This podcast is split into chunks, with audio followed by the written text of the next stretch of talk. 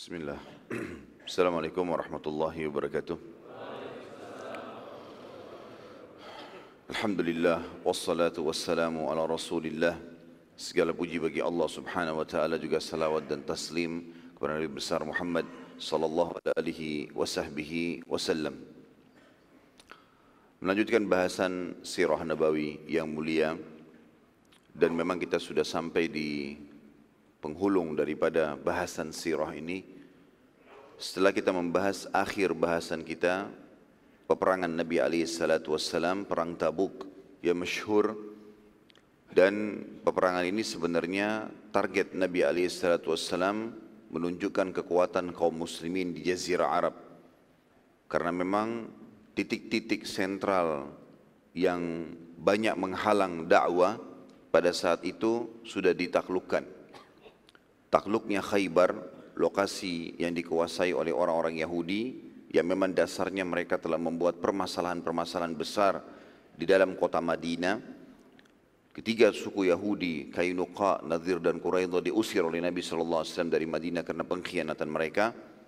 Baik itu Kainuqa karena membunuh seorang muslim yang membela seorang muslimah yang sedang belanja di toko Yahudi dan akhirnya dipermalukan dibuka auratnya kemudian suku Nadir di mana Nabi SAW pada saat ingin membayar denda seorang muslim yang tadinya membunuh seseorang secara salah karena suku Nadir adalah sekutu suku Arab tersebut maka Nabi SAW datang sendiri ke sana lalu mereka berusaha membunuh Nabi SAW diam-diam dengan melemparkan batu kemudian suku Quraidah yang mengkhianat pada saat terjadi perang Ahzab, perang Ahzab atau perang Khandaq. Ketiga-tiganya waktu diusir dari Madinah ternyata mereka membuat atau dua terutama Kainuka dan Lidl kemudian mereka membuat kekuatan di Khaybar sehingga menjadi pasukan yang sangat besar kurang lebih 10 ribu pasukan. Akhirnya Allah Subhanahu Wa Taala setelah kesepakatan Hudaybiyah menaklukkan atau mengizinkan Nabi Nya SAW menaklukkan wilayah Khaybar dan tunduklah seluruh orang Yahudi di bawah kekuasaan Nabi alaihi salatu wassalam karena mereka kalah dengan peperangan sehingga mereka menjadi budak-budak kaum muslimin pada saat itu. Kemudian juga takluknya Mekah yang kita tahu juga sentral penolakan dakwah Nabi alaihi wassalam selama 13 tahun di sana penyiksaan kaum muslimin Nabi SAW dihinakan sampai akhirnya puncaknya Nabi SAW hijrah ke Madinah. Kemudian juga suku Hawazim yang berkuasa di wilayah Taif termasuk suku Arab yang paling besar komunitasnya takluk di perang Hunain dan dikalahkan oleh Nabi alaihi wassalam dan sudah kita panjang lebar ceritakan tentang terjadinya perang Hunain. Dan hikmah-hikmahnya. Dan setelah itu Nabi SAW balik ke Madinah beliau pun akhirnya ingin menunjukkan kekuatan Islam kepada dunia. Dengan melakukan dua hal. Yang pertama beliau SAW menyerang uh, wilayah Tabuk. Karena satu-satunya wilayah Jazirah Arab pada saat itu yang dikuasai oleh Romawi adalah Tabuk. Dan Romawi waktu itu negara terkuat di dunia.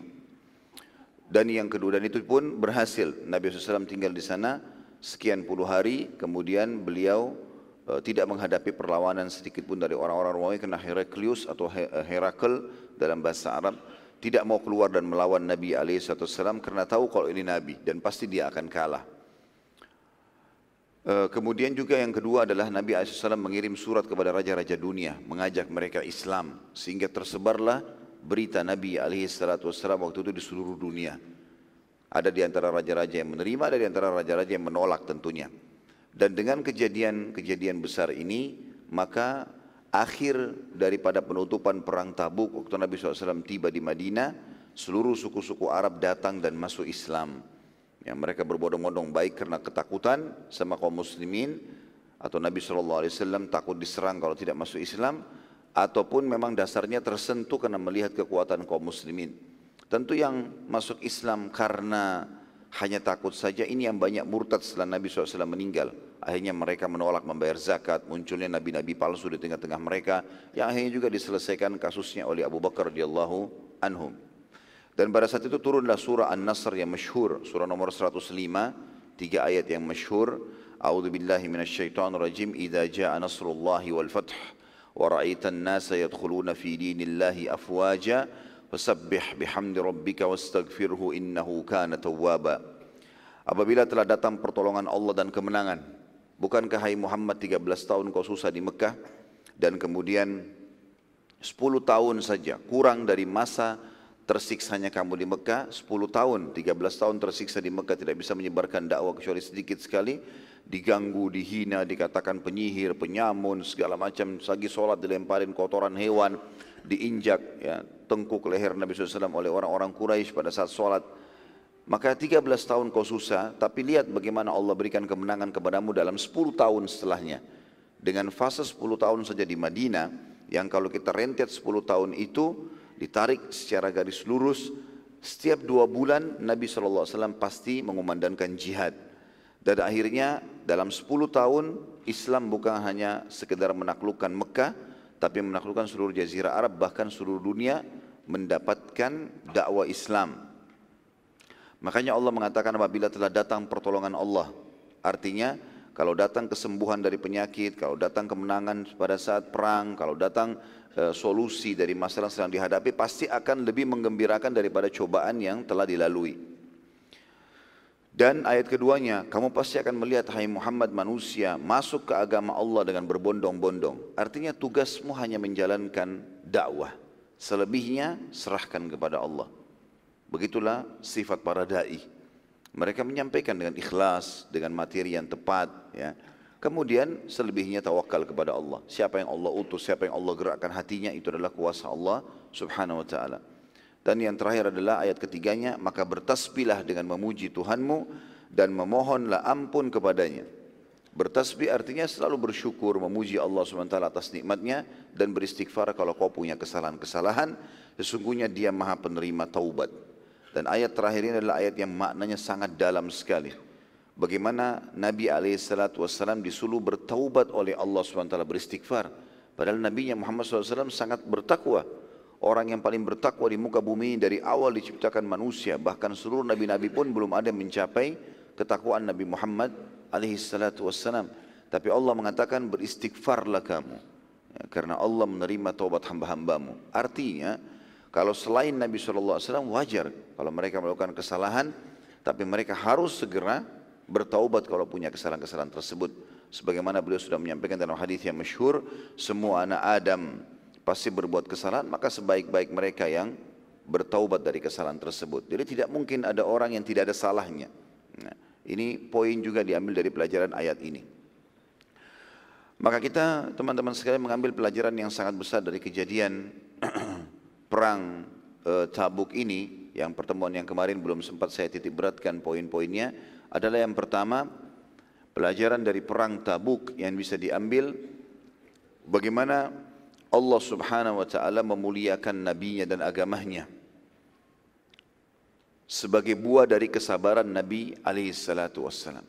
Ini buah kesabaran. Nabi alaihi sabar dalam mendakwakan Islam, sabar dalam gangguan-gangguan, beliau tetap kokoh dan istiqamah, akhirnya Allah SWT berikan kemenangan. Ini pelajaran pertama. Pelajaran yang kedua adalah bagaimana Islam menyebar di seluruh jazirah Arab.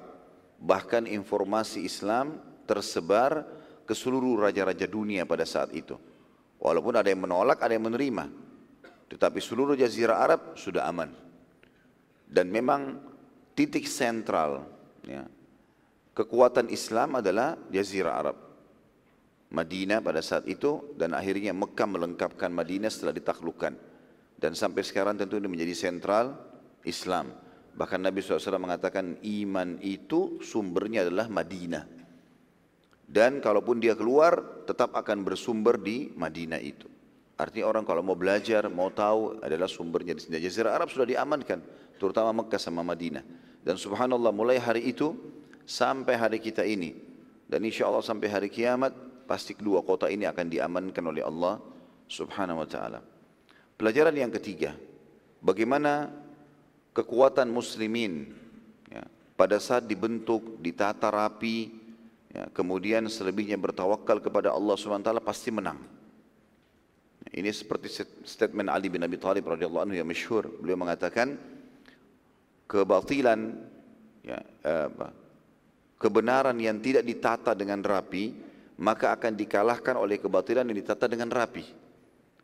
Maka kalau ada teman-teman yang bilang, kok bisa si fulan ini keliru, si fulan salah, si fulan kok bisa dia tetap ya bisa menyampaikan apa pun yang ingin sampaikan. Kok bisa pasukan orang kafir itu bisa menang?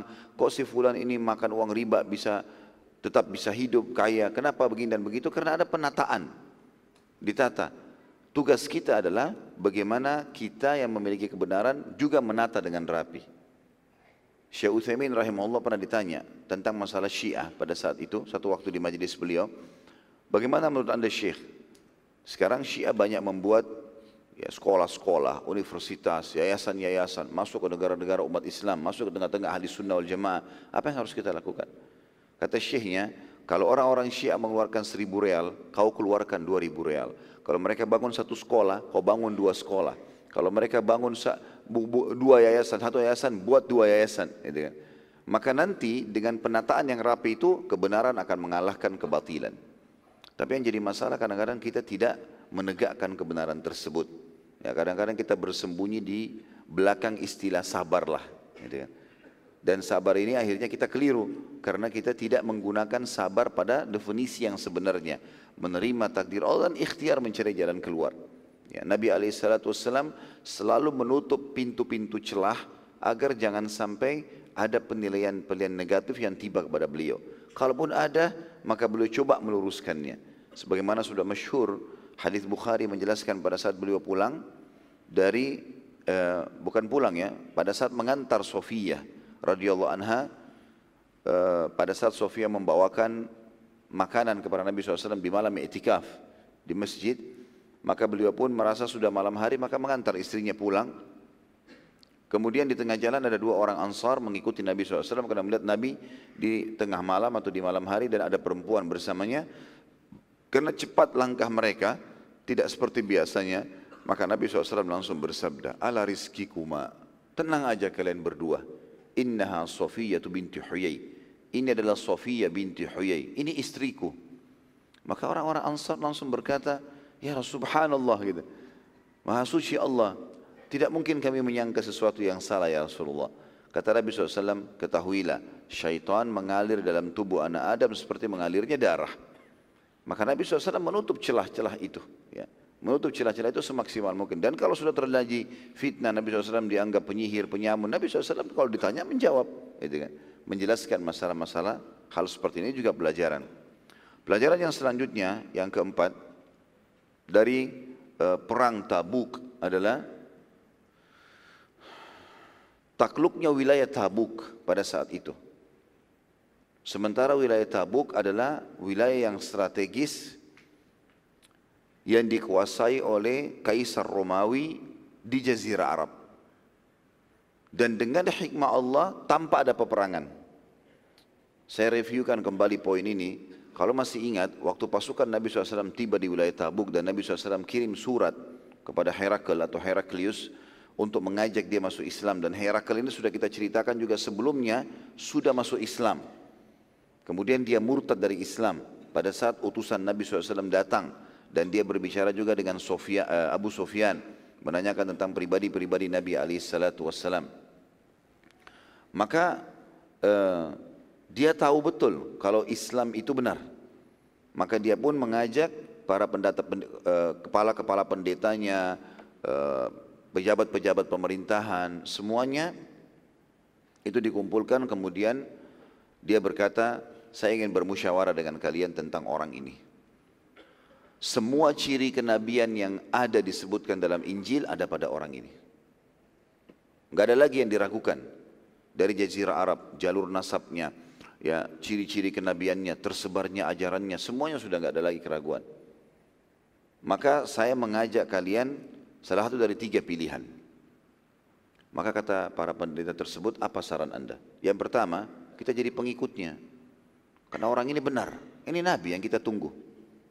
Tapi subhanallah, syaitan tetap menggoda manusia. Apalagi kalau sesuatu yang sudah lama diyakini dan dia memang tidak memiliki ilmu yang baik dalam hatinya, tidak memiliki iman yang baik dengan Allah, maka sulit dia meninggalkan itu. Maka mereka mengatakan kami tidak akan mungkin meninggalkan ajaran Isa, berpindah ke agama lain. Apa pilihan yang kedua? Kata Herakl, kita bayar jizyah. Kan dia tawarkan di suratnya masuk Islam, kalau enggak bayar jizyah, baru putih. kata para pendeta tersebut memalukan. Selama ini Romawi yang menerima upeti. Belum pernah dalam sejarah Romawi membayar upeti. Sekarang kalau kita bayar kepada pasukan dari Jazirah Arab yang tidak seberapa dibandingkan pasukan kita. Karena waktu itu pasukan Romawi 250 ribu orang kalau keluar. Pasukan Nabi SAW 30 ribuan. Tidak besar. Kami tidak mau bayar upeti. Apa pilihan yang ketiga? Kata Herakl, kalau gitu jangan tolak yang ketiga. Jangan lawan dia. Karena kalau kita lawan demi Allah pasti kita akan kalah. Maka mereka pun sepakat dan diiklankan di seluruh wilayah Romawi pada saat itu tidak boleh ada yang keluar melawan Nabi alaihi salatu. Dan dengan ini tentunya tabuk takluk artinya. Karena Nabi SAW berkemah di situ sekian puluh hari yang menunjukkan kekuatannya, yang menunjukkan kekuatan pada saat itu. Ya. Maka ini berarti menandakan tabuk sudah takluk. Ya. Tabuk takluk. Afan lampunya. Ya. Dan saya berharap ikhwah nggak usah direkam ya. Insya Allah kita punya kamera yang bagus dan antum bisa ambil nanti di YouTube insya Allah lebih baik daripada antum capek pegang handphonenya dan akhirnya juga tidak sempat diedit ya. Sekarang antum sudah tahu ada permasalahan kita. Kadang-kadang ada kesalahan ucapan yang saya ucapkan sudah cukup jadi masalah nasional ini. Ya. Ini bukan masalahnya cuma di warung kopi saja. Jadi kadang-kadang kita kesalahan ngomong saya sudah luar biasa. Ya, seperti sudah kriminal yang paling besar di dunia gitu ya. Padahal banyak orang yang membunuh orang lain nggak disorotin ya. Jadi lebih baik saya sarankan ikhwas sekalian bukan bukan tidak membebaskan antum tapi sering terjadi begitu. Kan antum tidak edit tidak segala macam repot. Ada yang sudah diedit antum angkat silahkan. Nah, insya Allah akan ada itu. Baik ini pelajaran kita. Yang keempat tentang takluknya wilayah Tabuk. Dan ini memang wilayah strategis. Dan perlu digarisbawahi dengan takluknya Tabuk pada saat itu, walaupun pasukan muslimin tidak diletakkan di sana, tapi berarti Tabuk dilewati oleh muslimin setiap saat tidak ada masalah. Berarti ini kata sebagian ulama sejarah pintu terbukanya penyerangan Konstantinopel nanti. Turki yang kata Nabi SAW kalian pasti akan membebaskan Konstantinopel gitu kan. Karena wilayah Tabuk kalau sudah ada kekuatan Nasrani yang tidak melawan berarti akan juga terjadi hal-hal itu gitu kan. Ini pendapat. Kemudian yang kelima, pelajaran daripada terjadinya perang Tabuk adalah kata ulama sejarah ini adalah peperangan terakhir Nabi Shallallahu Alaihi Wasallam dan dengan tersebarnya Islam, tersebarnya Islam sampai kepada wilayah Romawi pun mereka tidak berani melawan. Ini menandakan bahwasanya sudah dekat penutupan risalah Nabi alaihi salatu wassalam. Sudah dekat penutupan risalah Nabi alaihi salatu wassalam. Ya, dan ini pelajaran yang luar biasa yang diambil dari kejadian perang Tabuk. Ya karena dengan kejadian ini setelah ini insya Allah kita akan bahas namanya haji wada. Ya, kejadian sebelum meninggalnya Nabi wasallam dan pesan-pesan mutiara yang disampaikan oleh baginda Nabi alaihi salatu wassalam Baik ini pelajaran-pelajaran insya Allah dan yang terakhir pelajarannya adalah turunnya surah An-Nasr. Ya. Surah yang mulia ini turun surah nomor 105 di kasus perang atau setelah perang Tabuk. Ya. Baik kita masuk teman-teman sekalian ke pelajaran kita pada hari ini. Semoga Allah berkahi adalah haji wada. Wada artinya perpisahan dalam bahasa Arab. Dan ini memang masyur dikenal dengan haji wada. Kenapa dikatakan haji wada? Karena memang ini haji pertama dan haji terakhir Nabi alaihissalatu wassalam. Haji pertama bukan berarti haji pada saat itu pertama kali diperintahkan, tidak. Sebelumnya sudah ada haji. Ya. Sudah ada ibadah haji gitu kan. Seperti misalnya tahun 9 Hijriah, kalau teman-teman masih ingat kita review kembali, waktu Nabi SAW pulang dari perang Tabuk, beliau pulang ke Madinah mengatur ya keberadaan kaum muslimin dan ke kemakmuran mereka di Madinah. Lalu di musim haji di tahun 9 beliau tidak pergi haji tapi beliau memerintahkan Abu Bakar untuk memimpin haji. Ya. Kemudian pada saat itu disebarkanlah peraturan-peraturan Nabi SAW oleh Ali bin Abi Thalib yang diutus oleh Nabi SAW ke Mekah. Ya, untuk tidak ada boleh lagi orang musyrik di Mekah kecuali empat bulan terakhir ini ya tidak ada lagi eh, kebiasaan-kebiasaan jahiliyah semua patung tidak boleh lagi ada tidak boleh lagi ada orang tawaf ya telanjang di Ka'bah dan seterusnya. Ya, sudah kita bahas pada saat itu. Nah, teman-teman sekalian, tahun 10 Hijriah, Nabi SAW diperintahkan oleh Allah untuk pergi haji. Dan beliau pada saat itu mengiklankan, mengiklankan pada saat itu kepada seluruh muslimin. Ya, bahwasanya beliau akan melakukan ibadah haji dan siapa pun yang ingin ikut maka dipersilahkan. Nah. Nabi SAW pada saat itu keluar tepatnya di bulan Zulkaadah. Khilaf di antara hadis sejarah antara pertengahan atau akhir bulan Zulkaadah. Ya, karena haji ibadah haji itu terjadi e, dari tanggal 8 Zulhijjah sampai 13 Zulhijjah. Maka beliau keluar dari Madinah di akhir bulan Zulkaadah. Nabi SAW didatangi oleh seorang ibu pada saat itu karena diiklankan. Kemudian ada seorang ibu datang untuk uh, menanyakan hukum. Beliau atau perempuan tersebut mengangkat anaknya lalu mengatakan betul anaknya masih kecil, belum ada belum balik. Ya mungkin sekitar 3 4 tahun atau 4 5 tahun umurnya diangkat. Lalu ibu tersebut mengatakan, "Ya Rasulullah, apakah anak ini juga punya kewajiban ibadah haji?" Karena Nabi SAW mewajibkan haji dalam Islam diwajibkan sekali bagi yang mampu. Maka Nabi SAW mengatakan, iya, tetapi bukan kewajiban. Artinya bagi dia hukumnya sunnah. Ya. Boleh dia ikut. Dan engkau akan mendapatkan pahalanya. Riwayat lain menjelaskan bahwasanya Nabi SAW keluar begitu dekat dengan Mekah, ketemu dengan satu suku-suku Arab atau ada satu suku Arab yang besar datang, entah nama suku ini apa tapi datang juga ingin masuk ke Mekah bertemu dengan kafilah Nabi SAW. Lalu kemudian Nabi SAW bertanya, siapa kalian? Mereka menyebutkan nama sukunya, kemudian mereka bertanya, lalu anda siapa? Karena mereka belum kenal Nabi SAW. Mereka sudah syahadat tapi belum pernah bertemu Nabi SAW. Maka Nabi SAW memperkenalkan diri, kalau beliau adalah utusan Allah. Maka mereka pun akhirnya bergembira karena bertemu dengan Nabi SAW. Lalu ada seorang ibu dalam dari kafilah itu mengangkat anaknya dan berkata, Ya Rasulullah, apakah anak ini juga punya kewajiban haji?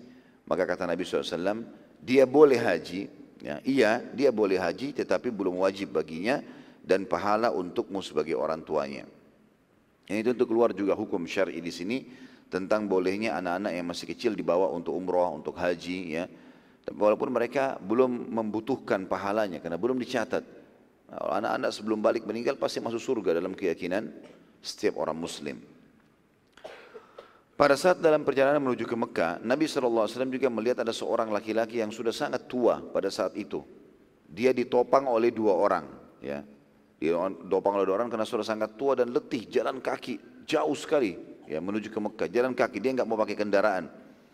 Maka Nabi SAW bertanya kepada orang-orang di sekitarnya, kenapa orang ini? Maka para sahabat mengatakan, waktu sudah ditanya, kenapa dia ditopang? Ya, ada apa sebab orang ini tua sekali begini ya, dan ditopang oleh dua orang? Maka jawaban orang-orang sekitarnya, orang ini mau haji sambil jalan kaki. Ya, maka disampaikanlah kepada Nabi SAW. Lalu Nabi SAW juga menyebutkan sabdanya masyhur. Ya. Dan ini juga pelajaran penting. Ya kata Nabi SAW, agama ini mudah, maka jangan dipersulit. Ya. Perintahkan agar ia menunggangi tunggangannya maka orang itu pun menunggangi kudanya pada saat itu. Dan ini pelajaran. Karena banyak orang subhanallah sengaja mempersulit-sulit agama. Walaupun niatnya ibadah. Walaupun niatnya ibadah.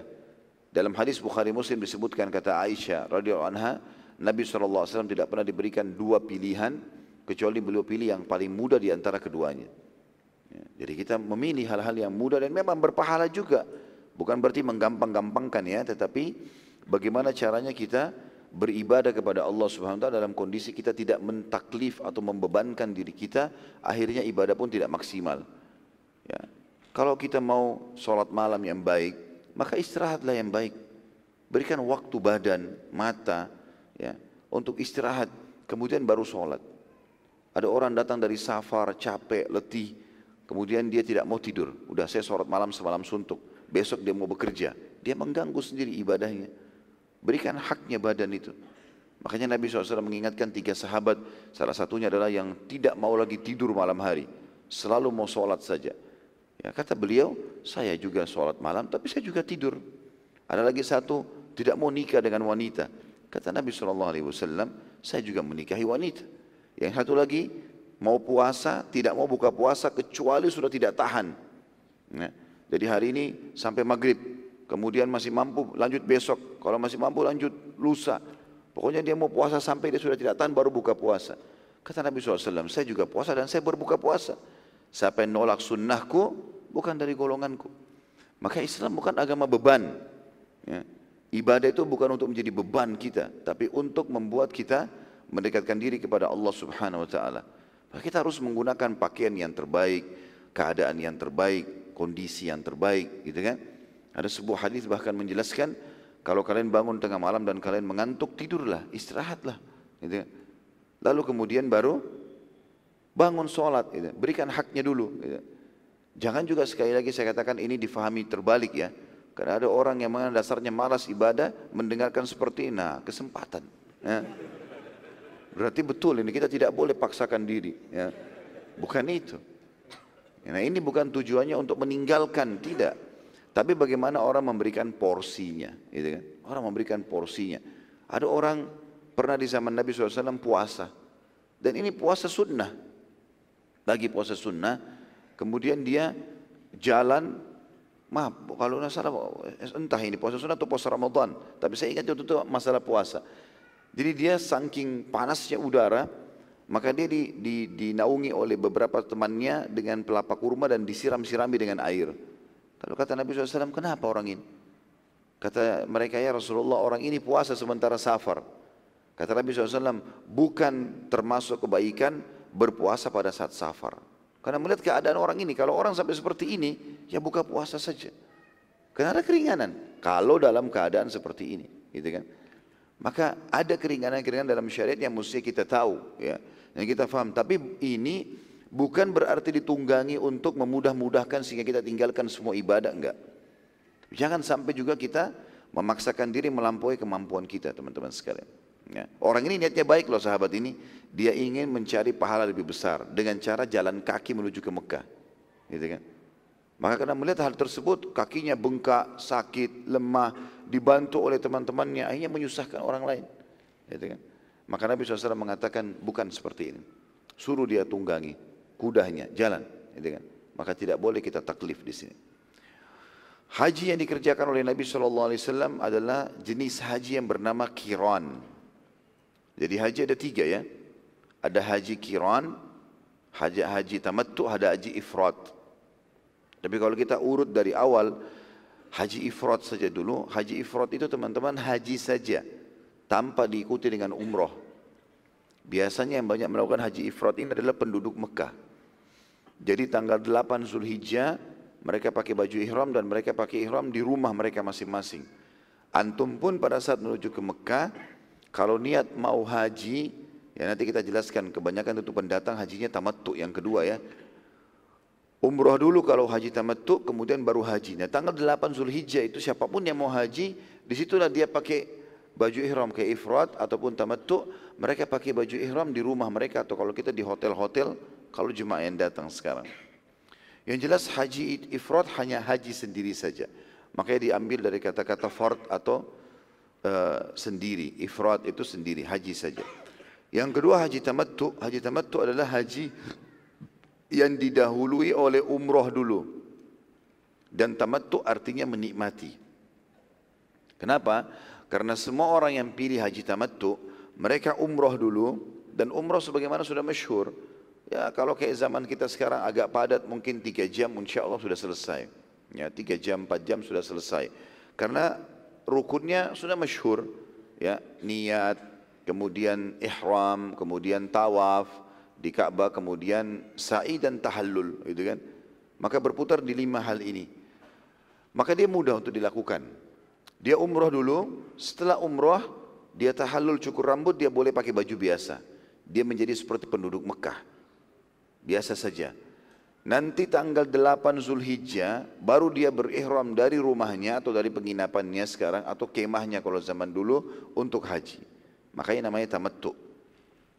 Hanya saja di haji tamattu ini karena dia eh, melakukan gabungan antara umroh dulu baru haji, tapi di antaranya dia bertamattu, dia menikmati dengan cara membuka baju ihram sehingga syarat-syarat ihram ya tidak boleh cukur rambulu, tidak boleh pakai wangi-wangian, tidak boleh berhubungan biologis antara suami istri. Ini semua sudah tidak ada lagi karena setelah umrah tahallul dia boleh uh, lepas dari larangan-larangan ihram. Kan banyak larangan ihram tadi. Enggak boleh potong kuku, enggak boleh cabut bulu badan, tidak boleh pakai minyak wangi, enggak boleh berhubungan biologis, enggak boleh berburu, berburu hewan darat, ya. Banyak larangan-larangan ihram. Ini teman-teman bisa kalau mau ikutin ada ceramah kami di YouTube judulnya Manasik Haji dan Umrah. Saya sudah panjang lebar jelaskan masalah itu. Nah karena itu jadi karena dia bertamattu maka dia ada hadyu, ada kurban. Haji tamattu ada kurbannya. Ya. Kemudian yang ketiga haji kiron dan ini yang Nabi SAW lakukan. Haji kiron adalah haji juga yang didahului oleh umrah. Namun bedanya antara jedah umrah ke haji ini enggak ada lagi enggak enggak membuka baju ihram, tetap pakai ihram. Dari umrah sampai ke haji maka dia menunggu terus, gitu kan? Jadi ifrat haji saja. Tamattu umrah dulu baru haji. Tapi antara umrah dengan haji ada tamattu'nya. Ada orang menikmati waktu di mana dia tidak kena larangan ihram. Ya. Kemudian haji kiran umrah juga sama haji tapi bedanya ihramnya tetap dipakai dan hukum-hukum ihram tetap berlaku sampai dia menunggu haji. Tentu kain ihram teman-teman boleh diganti ya dengan ihram yang lain. Jadi kalau misalnya antum ikut travel biasanya disiapkan satu pasang ihram. Kalau laki-laki kita bicara dua lembar kain ya, putih yang memang tidak dijahit tapi disulam e, karena memang jahitan dilarang dalam masalah berihram ini. Beda dengan perempuan, kalau perempuan pakaiannya lengkap tentunya. Kalau laki-laki maka ada syarat-syarat dalam ihram itu. Seperti tidak boleh menggunakan pakaian berkait, berjahit, tidak boleh menggunakan kopiah atau penutup kepala, surban. Beda kalau payung agak di atas mungkin bisa. Ya, ini ada hukum-hukum syar'i tersendiri. Tapi kalau misal kita lagi di tengah jalan makan terus tumpah makanan tersebut ada kuahnya, kotor ihramnya. Atau keringatan sekali sehingga kita ngerasa gerah ihram tersebut. Boleh nggak saya beli ihram baru lalu saya ganti? Boleh. Tapi gantinya ke ihram juga, gitu kan? Nah itu dibolehkan. Tentu di antara jenis haji, tiga jenis haji ini yang paling afdal adalah tamattu. Yang paling afdal adalah tamattu. Karena ini yang dianggap paling mudah di antara tiga ketiganya dan juga pahalanya besar ya. Makanya Nabi SAW bersabda, andai saja saya masih bisa haji lagi tahun depan, maka saya akan berhaji tamattu. Baik, kita masuk sekarang ke masalah haji Nabi alaihi salatu wassalam ini. Tentu haji punya banyak keutamaan teman-teman sekalian ya, punya banyak keutamaan. Di antaranya adalah hadis yang masyhur. Ya. Umrah ke umrah adalah pengampunan dosa di antara keduanya dan haji mabrur pengampunan dosa di antara keduanya dan haji yang mabrur yang mengikuti syarat dan rukun tidak ada balasannya kecuali surga. Dan ini wajib bagi setiap muslim minimal sekali seumur hidupnya. Tapi kalau dia mampu mengulanginya, memiliki rezeki maka lakukanlah, tidak ada masalah. Gitu kan. E, saat tiba di Madinah, kita masuk ke lanjutan bahasan sirah kita. Pada saat tiba di Mekah, maaf, pada saat tiba di Mekah, Nabi SAW langsung melaksanakan ibadah umroh. Karena tadi saya bilang haji kiran, umroh dulu, lalu haji. Tapi di antaranya tidak membuka baju ihram. Dan tetap dalam keadaan berihram sampai tanggal 8 Zulhijjah. Jadi cukup lama Nabi SAW menggunakan baju ihram itu sekitar 10 sampai 11 hari. Ya, bahkan lebih bisa dua mingguan. Karena Nabi SAW masuk Mekah akhir Zulkaadah. Ya. Lalu beliau SAW menuju ke Mina dimulai tanggal 8 Zulhijjah dikenal dengan hari Tarwiyah. Ya. Dan Tarwiyah ini kalau kita kembali kepada letterlet bahasa Arab artinya air yang disiramkan. Jadi kalau orang ngambil air lalu dia siram air tersebut biasanya ini untuk meredam panas. Maka biasanya orang menyiram di depan kemahnya, di depan tokohnya air ya, supaya agak dingin. Ya, biasanya begitu itu namanya tarwiyah. Maka dinamakan hari Tarwiyah kenapa? Karena wilayah Mina enggak ada air. Jemaah haji pada saat datang mereka berbondong-bondong bawa air. Zaman dulu nih ya, kalau sekarang sudah ada air. Sekarang Masya Allah fasilitas sudah luar biasa dibandingkan haji dulu ya.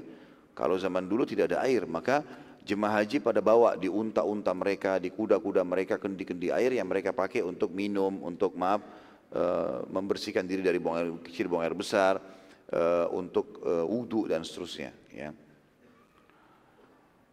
Di hari Tarwiyah di Mina, Nabi SAW menunjukkan poin penting dalam masalah haji, tentu umrah juga masuk dalamnya, tapi kita bicara masalah haji, Beliau bersabda, "Khudhu anni manasikakum."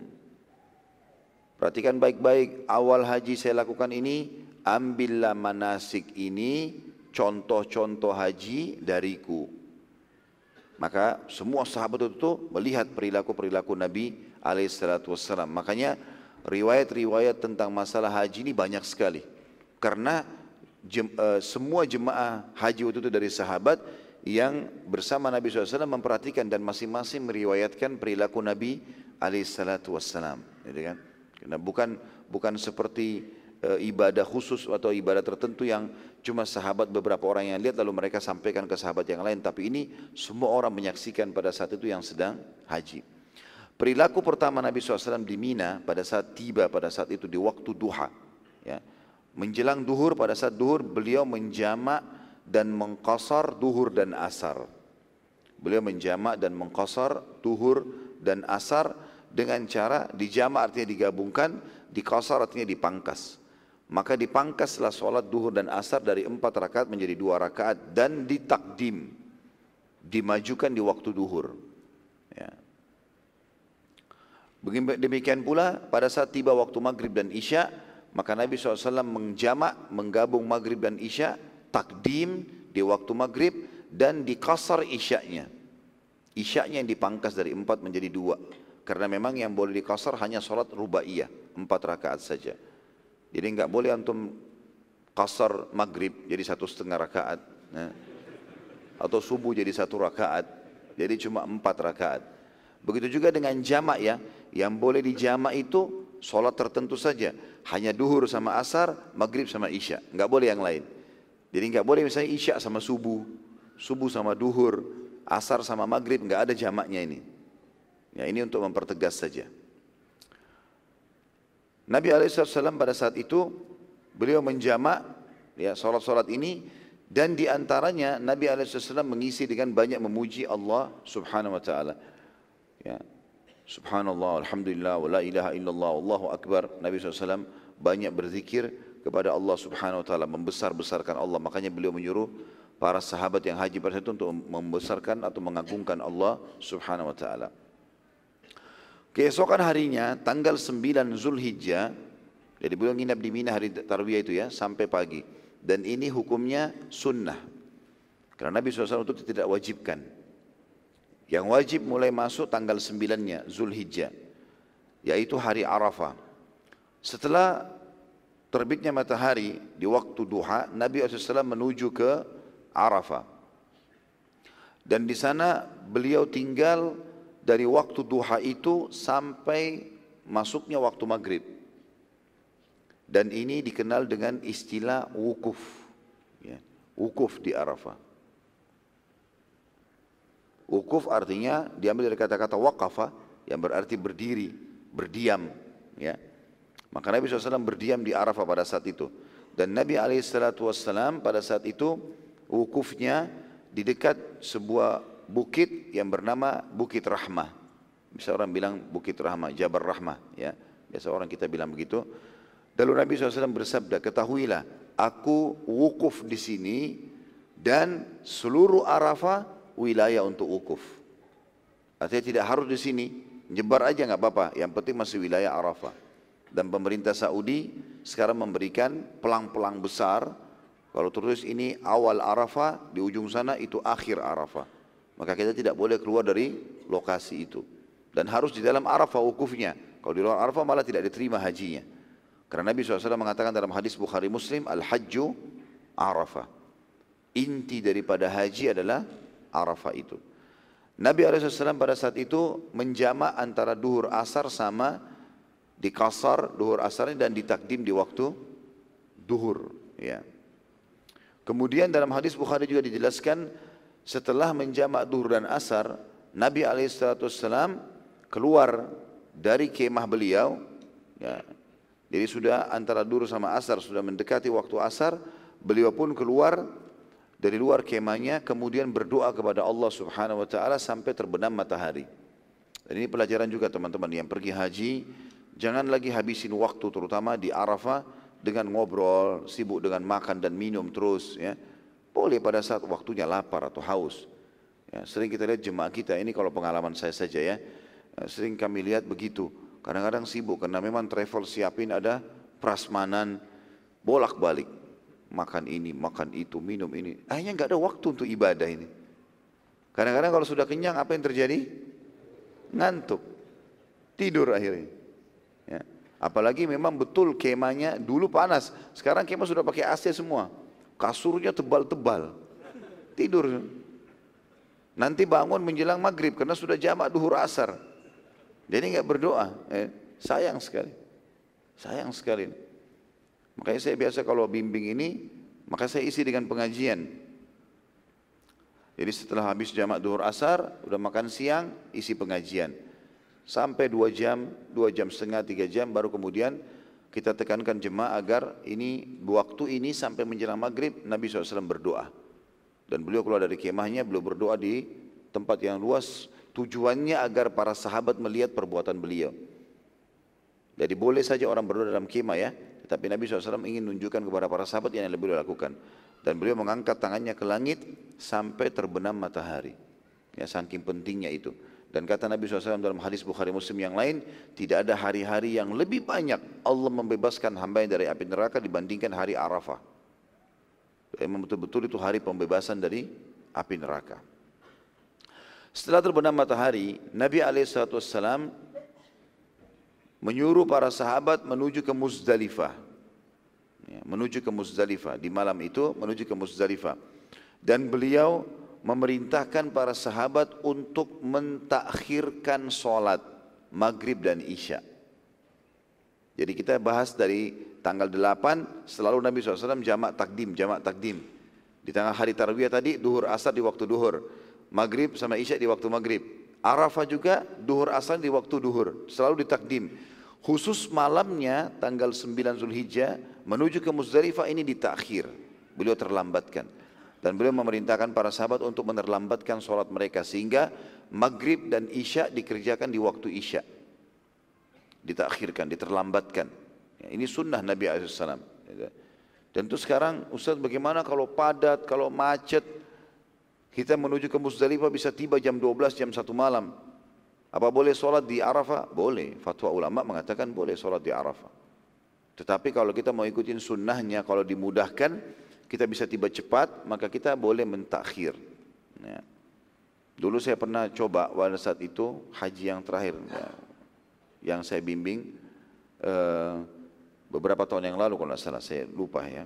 Uh, ini yang terakhir waktu itu saya coba karena memang padat sekali bus-bus dan jemaah haji uh, akhirnya bertanya masalah ini bagaimana? Kita takut terlambat nanti. Baik sholat. Fatwa ulama sudah memberikan sholat. Tapi saya coba tunda. Dan memang tiba di Muzdalifah sekitar jam 12 malam karena padatnya gitu kan? Akhirnya saya ambil tikar saya sholat di dekat bus karena sempat tinggal di Muzdalifah pada saat itu menunggu pertengahan malam lalu kemudian meninggalkan wilayah Muzdalifah. Nabi SAW tinggal di Muzdalifah malam itu dan beliau beristirahat dan memerintahkan seluruh sahabat untuk beristirahat. Tidak lagi zikir secara khusus, tidak ada lagi ibadah, sudah selesai. Tadi Arafah sudah dimaksimalkan, cukup. Sekarang saatnya istirahat. Dan ini saya bilang tadi ya, agama Islam agama mudah. Tidak semuanya padat. Ada waktunya orang istirahat. Nabi SAW istirahat pada saat itu. Sampai menjelang subuh. Beliau lalu bangun, mengimami sholat subuh. Kemudian Nabi SAW bergerak pada saat itu dari uh, Muzdalifah pada tanggal 10 Zulhijjah. Habis sholat subuh, beliau bergerak menuju ke Mina. Kembali ke Mina, ke tempat hari Tarwiyah tadi. Kemudian beliau pun sallallahu alaihi wasallam pada saat itu jumrah melontar. Ya, jadi di sana di wilayah Mina ada tempat melontar kecil, sedang, besar. Ya, dengan sugra, wusta dan kubra atau yang kubra ini nama lainnya akabah, jumrah akabah. Nah di tanggal 10 Zulhijjah, sunnah Nabi SAW jemaah haji pada ke sana untuk melontar, melempar tujuh butir batu kecil, ya, untuk menjadi syarat e, mengikuti sunnah yang pernah atau yang pernah dilakukan oleh Ibrahim alaihissalam. Jadi di tiga titik ini diyakini dulu waktu Ibrahim alaihissalam ingin menyembeli Ismail maka syaitan datang menggoda beliau di tiga titik itu. Lalu beliau melempari dengan batu syaitan tersebut tujuh butir. Ya, tetapi kita sekarang bukan melempar syaitan. Ya jadi jangan yakini di situ ada syaitan. Tapi kita sedang menjalankan apa yang diperintahkan Allah untuk mengenang perbuatannya Ibrahim alaihissalam pada saat itu. Makanya kita disuruh lempar kerikil kecil. Nggak usah cari batu besar. Ya nggak usah lempar sendal lempar kayu saya lihat depan mata itu. Ada orang begitu. Karena dia pikir itu ada syaitan di situ. Kalau sekarang masih mending ya, sekarang sudah luar biasa karena tembok jumroh itu besar. Mungkin dari tiang sana ke tiang sana ini. Empat tiang ini mungkin digabung jumroh. Jadi kita melempar batunya kena tembok itu jatuh ke bawah. Di bawah sudah ditampung. Dan diangkat batu-batu tersebut oleh pemerintah Saudi. Sudah banyak jemaah haji melempar. Kalau jutaan jemaah haji, tiga juta setengah jemaah haji semua lempar tujuh batu kan penuh juga gitu kan. Kalau zaman dulu waktu kami masih mahasiswa, tiangnya hanya seperti ini nih. Kurang lebih seperti ini besarnya. Jadi kalau kita lempar dari sini sana kena. Kalau meleset itu. Kalau ada orang lempar batu besar kan masalah. Kalau batu kecil masih penting. Ada yang pernah lempar. Saya pernah lihat orang lempar kayu, lempar sendal. A'udzubillahi minasyaitonirrajim. Padahal enggak ada syaitannya di situ. Jadi ini harus difahami. Jangan sampai salah faham di sini ya. Maka ini poin penting. Baik, Muzdalifah ini teman-teman yang tadinya Nabi SAW menginap itu berada antara Mina sama Arafah. Antara Mina sama Arafah, di tengah-tengah dia. Dan ini umumnya memang jemaah haji, terutama dari Asia kita, udah nggak pakai kemah lagi. Biasanya orang nunggu di bus saja. Gitu kan? Karena ini tempat cuma sebentar, malam itu sampai subuh saja. Bahkan ada fatwa ulama membolehkan meninggalkan Muzdalifah ya di pertengahan malam, artinya di atas jam 12 malam terutama bagi wanita, orang tua, ini dibolehkan mereka meninggalkan lokasi Muzdalifah walaupun tidak sampai subuh. Ya umumnya buku-buku fikih menjelaskan kepada kita kalau subuhnya hari eh, sholat subuh di Muzdalifah hukumnya sunnah. Tapi datang di situ ya itu masuk dalam masalah keharusan atau kewajiban dalam sebagian pendapat ulama. Baik, ada juga pendapat ulama mengatakan kalau Muzdalifah adalah wilayah yang berada antara Mina dan Arafah serta Mina dan Muzdalifah masih masuk wilayah haram. Sementara Arafah keluar dari wilayah haram. Ya. Tradisi orang Quraisy pada saat itu, kebiasaan mereka di zaman jahiliyah ini mereka juga haji karena ini kan haji dari zaman dari zaman Ibrahim alaihissalam. Jadi orang-orang Quraisy juga haji. Tapi mereka dari Mina tanggal 8 Zulhijjah hari Tarwiyah tidak menuju ke Arafah dan mereka menahan diri di Muzdalifah. Jadi Arafah tidak masuk dalam ibadah hajinya mereka pada saat itu. Padahal dalam syariat Nabi Ibrahim AS Arafah harusnya masuk. Tapi mereka tidak mau jauh-jauh, mereka mau tetap di wilayah haram. Jadi dari Mina ke Muzdalifah saja. Padahal sebenarnya jalurnya harus dari Mina hari Tarwiyah ke, ke Arafah dulu baru ke Muzdalifah gitu kan. Muzdalifah nanti kembali ke Mina lagi. Tapi mereka yang nggak mau orang Quraisy mau dari Mina ke Muzdalifah aja, nggak usah sampai ke Arafah. Maka Nabi SAW menghapus tradisi itu. Dan orang-orang Quraisy beralasan pada saat itu, tentu jemaah haji yang lain pergi ke Arafah ya. Orang Quraisy aja nggak mau. Mereka mengatakan, kami kan penduduk wilayah haram, maka kami tidak keluar dari wilayah haram. Ya. Karena di, tadi Mina sama Muzdalifah masih masuk wilayah haram. Kalau kita ke Arafah keluar dari wilayah haram, kita kan penduduk wilayah haram. Ini alasan saja. Tapi dalam syariat Ibrahim AS dan Nabi Muhammad SAW tidak seperti itu. Arafah tetap harus didatangi. Bahkan Arafah adalah inti haji. Nah, sebagaimana sabda Nabi SAW yang sudah saya sebutkan, Al-Hajju Arafah. Dan ini menandakan bahwasanya Nabi SAW menghapus tradisi Quraisy yang telah menyalahi syariat Nabi Ibrahim alaihissalam. Gitu kan? Pada saat tiba di Arafah, Nabi SAW ada poin tadi yang uh, luput saya sampaikan sebelum ke Muzdalifah, waktu beliau tiba di Arafah, tentu malamnya nanti baru ke Muzdalifah ya. Waktu pada saat beliau tiba di Arafah, beliau mampir ke sebuah tempat yang diistilahkan oleh masyarakat setempat itu Namira. Sekarang dibangun Masjid Namira namanya. Ya. Dan Nabi SAW berkhutbah di situ dengan khutbah yang masyhur sekali. Yang di dalamnya mencakup banyak hukum-hukum syariat.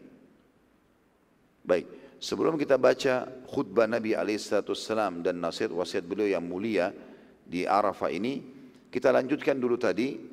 Setelah Nabi SAW tiba di tanggal 10 Zulhijjah, beliau SAW menuju ke Mina lalu Jumrah Aqabah, melontar. Setelah itu Nabi SAW bertahallul, mencukur rambut beliau Alaihissalam.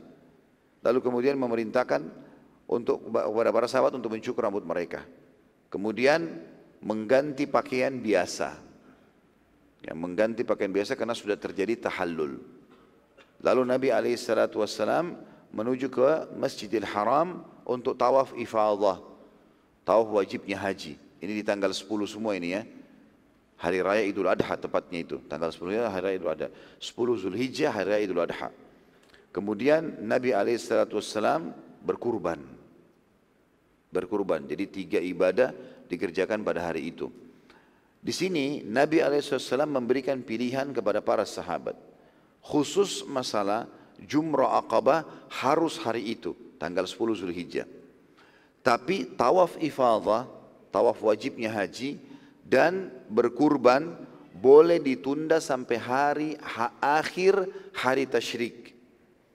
Karena kan tanggal 10 Zulhijjah hari Idul Adha atau nama lainnya hari Nahar. Kemudian datang setelahnya 11, 12, 13 hari tasyrik ya, yang kita disunnahkan untuk menyembelih hewan kurban. Maka Nabi SAW memberikan rukhsah atau keringanan kepada para sahabat waktu itu untuk uh, tawaf ifadah dan kurbannya boleh di hari nahar 10 Dzulhijjah atau ditunda sampai terakhir hari tasyrik. Boleh pilihan. Dan selanjutnya Nabi SAW menginap di Mina ya dengan sudah pakaian biasa, sudah tidak pakai ihram lagi. Tanggal 10 itu beliau nginap di Mina, tanggal 11, tanggal 12 ya. Dan akhir tanggal 13 beliau tinggalkan tempat itu. Tidak nginap lagi tanggal 13 ya, tapi sampai menjelang maghrib Nabi SAW keluar dari Mina. Nah tiga hari ini, hari tasyrik, tanggal 11, 12, 13, Nabi SAW melakukan jumrah hari itu. Enggak ada ibadah lain beliau kecuali jumrah. Beliau jalan dari kemahnya menuju ke jumrah lalu beliau melempar uh, dengan istilahnya lemparan kecil, sedang, besar. Tujuh butir, tujuh butir, tujuh butir batu. Gitu kan. Hari tanggal 12 juga begitu dan tanggal 13 juga begitu. Khusus di tanggal 12 ini firman Allah Subhanahu wa taala turun pada saat itu firman Allah SWT turun dan firman Allah SWT turun ini menjelaskan tentang bolehnya jemaah haji meninggalkan Mina dan menutup haji mereka di tanggal 12. Di Indonesia biasa kita istilahkan dengan nafar awal. Ya. Jadi tanggal 12 boleh orang keluar. Tapi kalau mau lebih afdal, tunggu sampai tanggal 13. Maka Nabi SAW membacakan ayat ini menjelaskan kepada kaum muslimin kalau bolehnya siapa yang mau menutup hajinya sekarang tanggal 12 silakan. Tapi riwayat-riwayat menjelaskan Nabi SAW memerintahkan mereka setelah jumrah mereka meninggalkan Mina sebelum terbenam matahari. Kalau terbenam matahari mereka harus lanjutkan sampai tanggal 13 ya. Tentu saya selalu sarankan jemaah haji saya dan saya juga sampaikan dalam pengajian kita ini dianjurkan sekali agar setiap muslim untuk ya eh, menunggu sampai tanggal 13 karena tidak ada tidak ada sesuatu juga yang dikerjakan kalau orang keluar dari tanggal 12 kecuali darurat sekali orang darurat harus pulang ke negaranya. Ada hal yang penting mungkin. Tapi kalau hanya sekitar kembali ke apartemen kembali ke hotel tunggu di sana lebih baik dia tunggu di Mina ya, lebih baik dia tunggu di Mina maka dia akan lebih banyak mendapatkan pahala karena Allah mengatakan lima ittaqa siapa yang mau lebih bertakwa artinya lebih banyak mendapatkan pahala Allah SWT menurunkan satu surah dan dinamakan dengan surah Al-Hajj. Ya. Memang menyebutkan tentang masalah atau disebutkan dengan istilah haji ini ya. Surah nomor 22 dalam Al-Quran ya.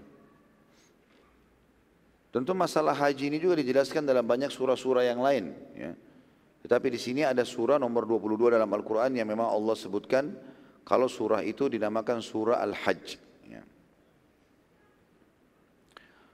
Juga dalam surah uh, At-Taubah kalau tidak salah itu disebutkan juga tentang masalah kalimat haji.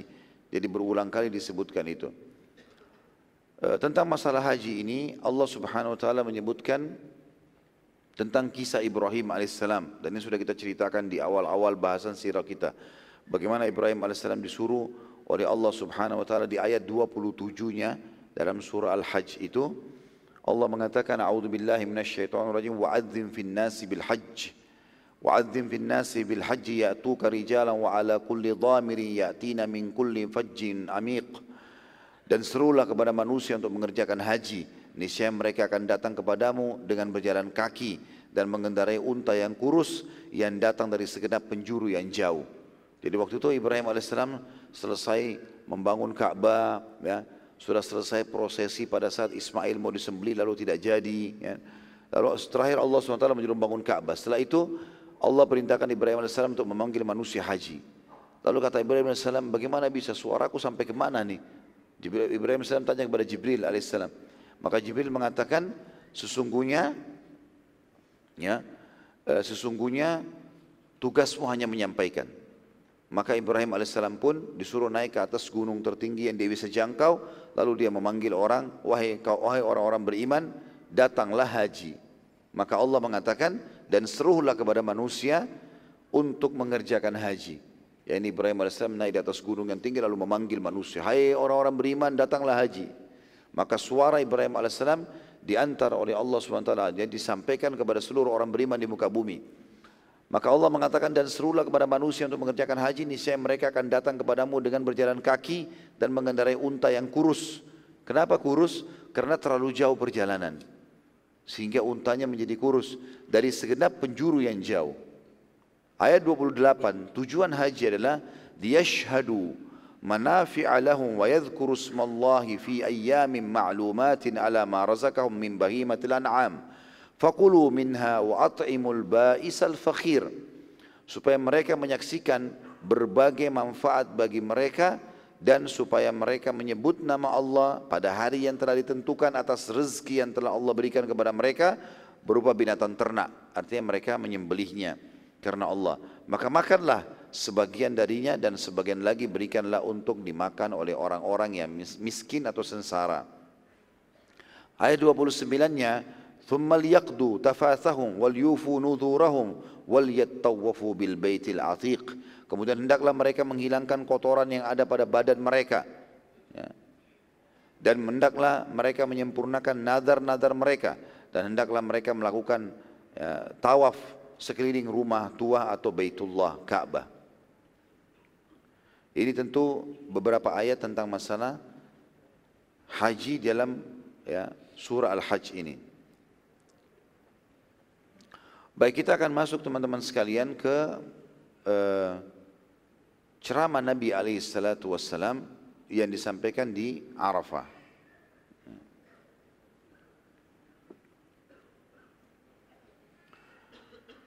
Nabi SAW berdiri di wilayah namanya Namirah. Ya, dan sekarang dibangun masjid. Kemudian beliau SAW mulai berbicara dan berkhutbah. Saya langsung terjemahkan saja kata beliau karena ini panjang sekali. Sesung, segala puji bagi Allah. Kami memujinya. Kami memohon ampun dan bertaubat padanya. Kami meminta tolong kepadanya. Kami berlindung kepadanya dari segala keburukan diri kami serta dosa-dosa yang kami lakukan.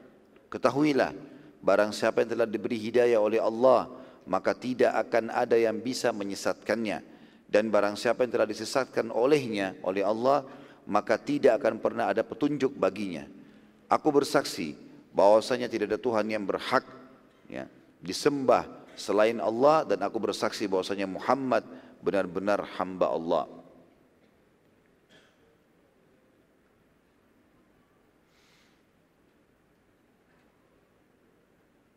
Kata Nabi SAW selanjutnya setelah tahmid dan salawat, Aku mewasiatkan kepada kalian wahai hamba-hamba Allah agar bertakwa kepada Allah dan aku menganjurkan kalian agar selalu taat kepadanya dan aku telah memulai khutbah ini dengan pesan yang terbaik. Maksudnya adalah aku sudah sampaikan kepada kalian tentang masalah takwa ini dan makna takwa teman-teman ringkasnya adalah patuh patuh kepada Allah. Apa yang Allah perintahkan kerjakan. Tanpa memilah mana yang wajib dan sunnah. Tetap saja dia berusaha kerjakan. Makin dia terus mengerjakan yang wajib dan sunnah maka makin tinggi ketakwaannya kepada Allah dan meninggalkan apa yang Allah larang. Baik itu haram ataupun makruh. Makruh pun sama ya. Lalu kata Nabi SAW amma ba'd. Selanjutnya.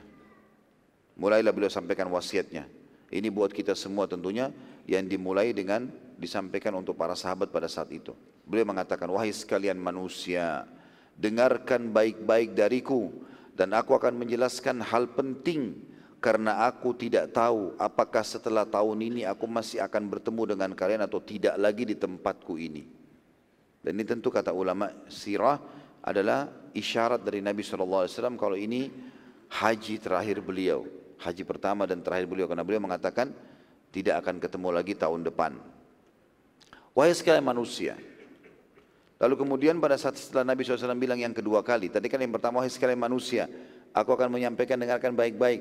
Mungkin aku tidak akan bertemu lagi dengan kalian setelah tahun ini di tempat ini. Setelah itu beliau mengatakan, wahai sekalian manusia. Lalu beliau diam sejenak. Cukup lama beliau diam, sahabat lagi mau nunggu, mau dengar apa yang disampaikan nih. Lalu beliau bertanya, hari apakah ini? Maka para sahabat berjam menjawab, hari Arafah hari haji besar. Maksudnya puncaknya haji adalah sekarang. Nabi SAW bertanya lagi, bulan apakah ini? Maka para sahabat menjawab, bulan Allah haram yang bernama Zulhijjah. Karena kan ada empat bulan haramnya Allah. Ya, bulan yang dimuliakan. Bukan haram ya, haram.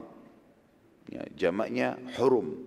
Ashurul hurum namanya, dimuliakan. Rajab, Zulkaadah, Zulhijjah, Muharram. Empat ini. Nanti kan kita bacakan dalam surah At-Taubah 36 dalilnya.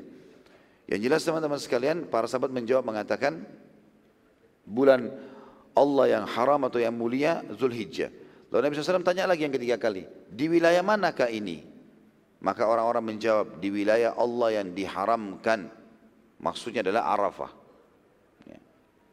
Lalu Nabi SAW melanjutkan khutbahnya seraya berkata, Wahai manusia, Sesungguhnya jiwa, jiwa maksudnya darah kalian ya, harta kalian terharamkan di antara kalian sampai kalian menemui Tuhan kalian seperti terharamkannya hari kalian ini di bulan kalian ini di negeri kalian ini. Ya, jadi tadi diamnya Nabi SAW itu ingin menarik perhatian audiens ya, yang sedang mendengar kalau yang saya sampaikan penting sekali. Perhatikan baik-baik.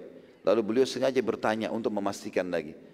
Misal saya tahu masjid ini istiqomah namanya di, di Balikpapan, di wilayah Pertamina, saya tahu. Tapi saya coba tanya, untuk lebih memastikan lagi tentang faham nggak orang yang sedang mendengar kita sedang berada di mana, seperti itulah.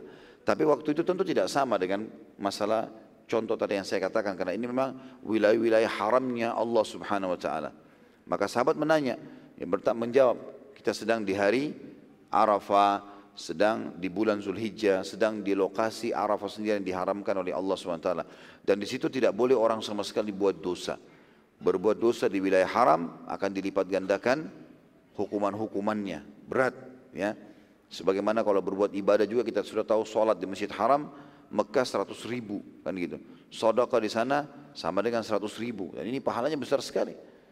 Hasan Basri mengatakan rahimahullah, satu dirham yang dikeluarkan di Mekah sama dengan seratus ribu dirham. Ya. Jadi kalau kita keluarkan satu juta rupiah di Indonesia, lalu kita keluarkan satu juta rupiah di Mekah, di wilayah haram, itu sama dengan seratus ribu juta. Ya. Berapa miliar itu? Hah? 100 miliar.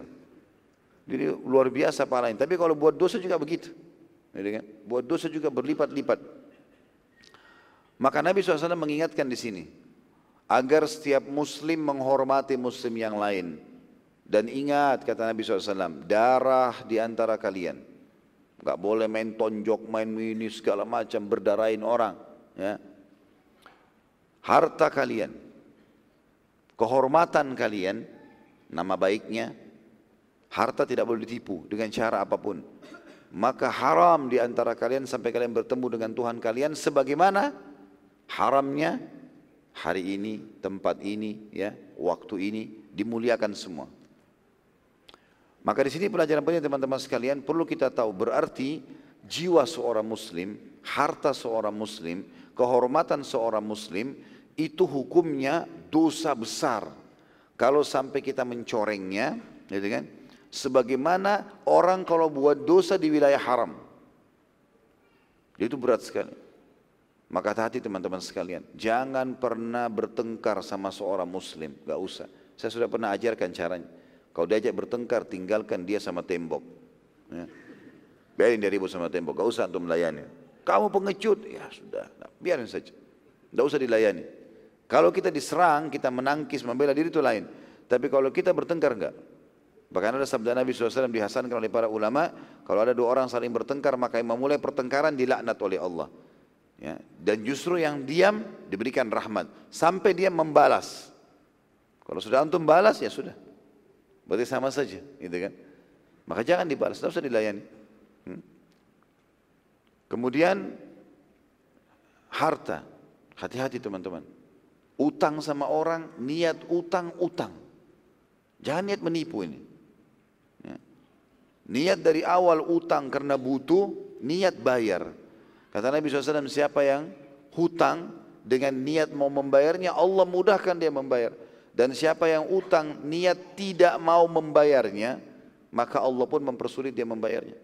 Dan akhirnya ada hadis lain yang berbunyi, ya jiwa seseorang akan tergantung antara langit dan bumi selama utangnya belum terbayar. Orang mati syahid dimaafkan semua kesalahannya kecuali utangnya. Jadi berat. Jangan nipu hartanya seorang muslim. Ambil niat membayar memang.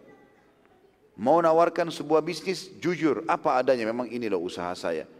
Ya, silakan lihat, silakan cek laporan real apa adanya disampaikan. Gak ada rekayasa apa-apa. Karena ini haram. Haramnya ini berat karena sama kita buat dosa di mana? Di wilayah haram. Makanya Nabi SAW ketahuilah harta kalian, kehormatan kalian, ya, jiwa kalian, jiwa kalian, kehormatan kalian dan harta kalian haram ya di antara kalian sampai kalian bertemu dengan Tuhan kalian sebagaimana telah terharamkan wilayah ini dan waktu ini. Ketahuilah kata Nabi SAW bahwa aku telah menyampaikannya dan ya Allah saksikanlah. Ini potongan pertama dari wasiat Nabi SAW. Harus saling menjaga harta, jiwa dan kehormatan saudara muslim. Antum kalau mau mendapatkan sebuah jabatan jangan dengan cara menjatuhkan seorang muslim. Sekarang masalah pilkada, pilpres, apalah semua ini. Teman-teman tunjukkan kualitas. Kualitas kita. Enggak usah jatuhkan orang. Enggak ada gunanya. Kata Nabi SAW dalam hadis sahih riwayat Abu Daud, Inna Allah yuhibbu min abdin, idha amila amalan an yutkinahu. Allah cinta seorang hamba kalau dia kerjakan satu perbuatan, dia menguasainya. Tunjukkan. Saya akan lakukan ini, ini, ini, ini. Selesai. Gak usah sengaja korek-korek jatuhkan orang lain. Berbahaya. Ya. Aib seorang muslim teman-teman. Aib seorang muslim. Tugas kita tutupin. Bahkan ada hadis sahih berbunyi hati-hati. Siapa yang sengaja mencari-cari aib saudaranya muslim. Allah akan bongkar aibnya walaupun dari dalam rumahnya. Tidak boleh. Dan sebaliknya kata Nabi SAW, Man satara musliman fi dunia, satarahullahu yawmal qiyamah. Siapa yang menutupi aib seorang muslim, maka Allah pun tutupi aibnya pada hari kiamat. Antum tahu aibnya, telepon dia, nasihati secara diam-diam. Bahkan kata Nabi SAW, siapa yang menasihati saudaranya di depan umum, maka dia telah ya, menghinanya. Enggak boleh. Pasti akan terjadi penolakan, kebencian, terjadi permusuhan. Kalau niat karena Allah di belakang, bukan diekspos sana sini, gitu kan? Ini semua hukumnya haram, hati-hati teman-teman sekalian. Jangan masuk ke zona orang lain. Apa yang terlihat depan mata antum, kalau terlihat betul-betul kebaikan, dukung. Kalau salah, ingatkan. Kalau tidak kelihatan, jangan dicampuri. Gak usah sengaja intip rumahnya tetangga. Dia pakai gorden apa, kenapa dia ganti AC, kulkasnya ganti atau tidak. Bukan urusan antum itu. Tetangga beli AC dia yang kedinginan. Lalu wasiat Nabi SAW selanjutnya, ketahuilah. Kata Nabi SAW, aku telah menyampaikannya dan ya Allah saksikanlah. Lalu Nabi SAW tunjuk dengan jari beliau ke langit. Ya Allah saksikanlah, aku sudah sampaikan. Ini wasiat-wasiat terakhir sebelum beliau meninggal. Lalu beliau mengatakan,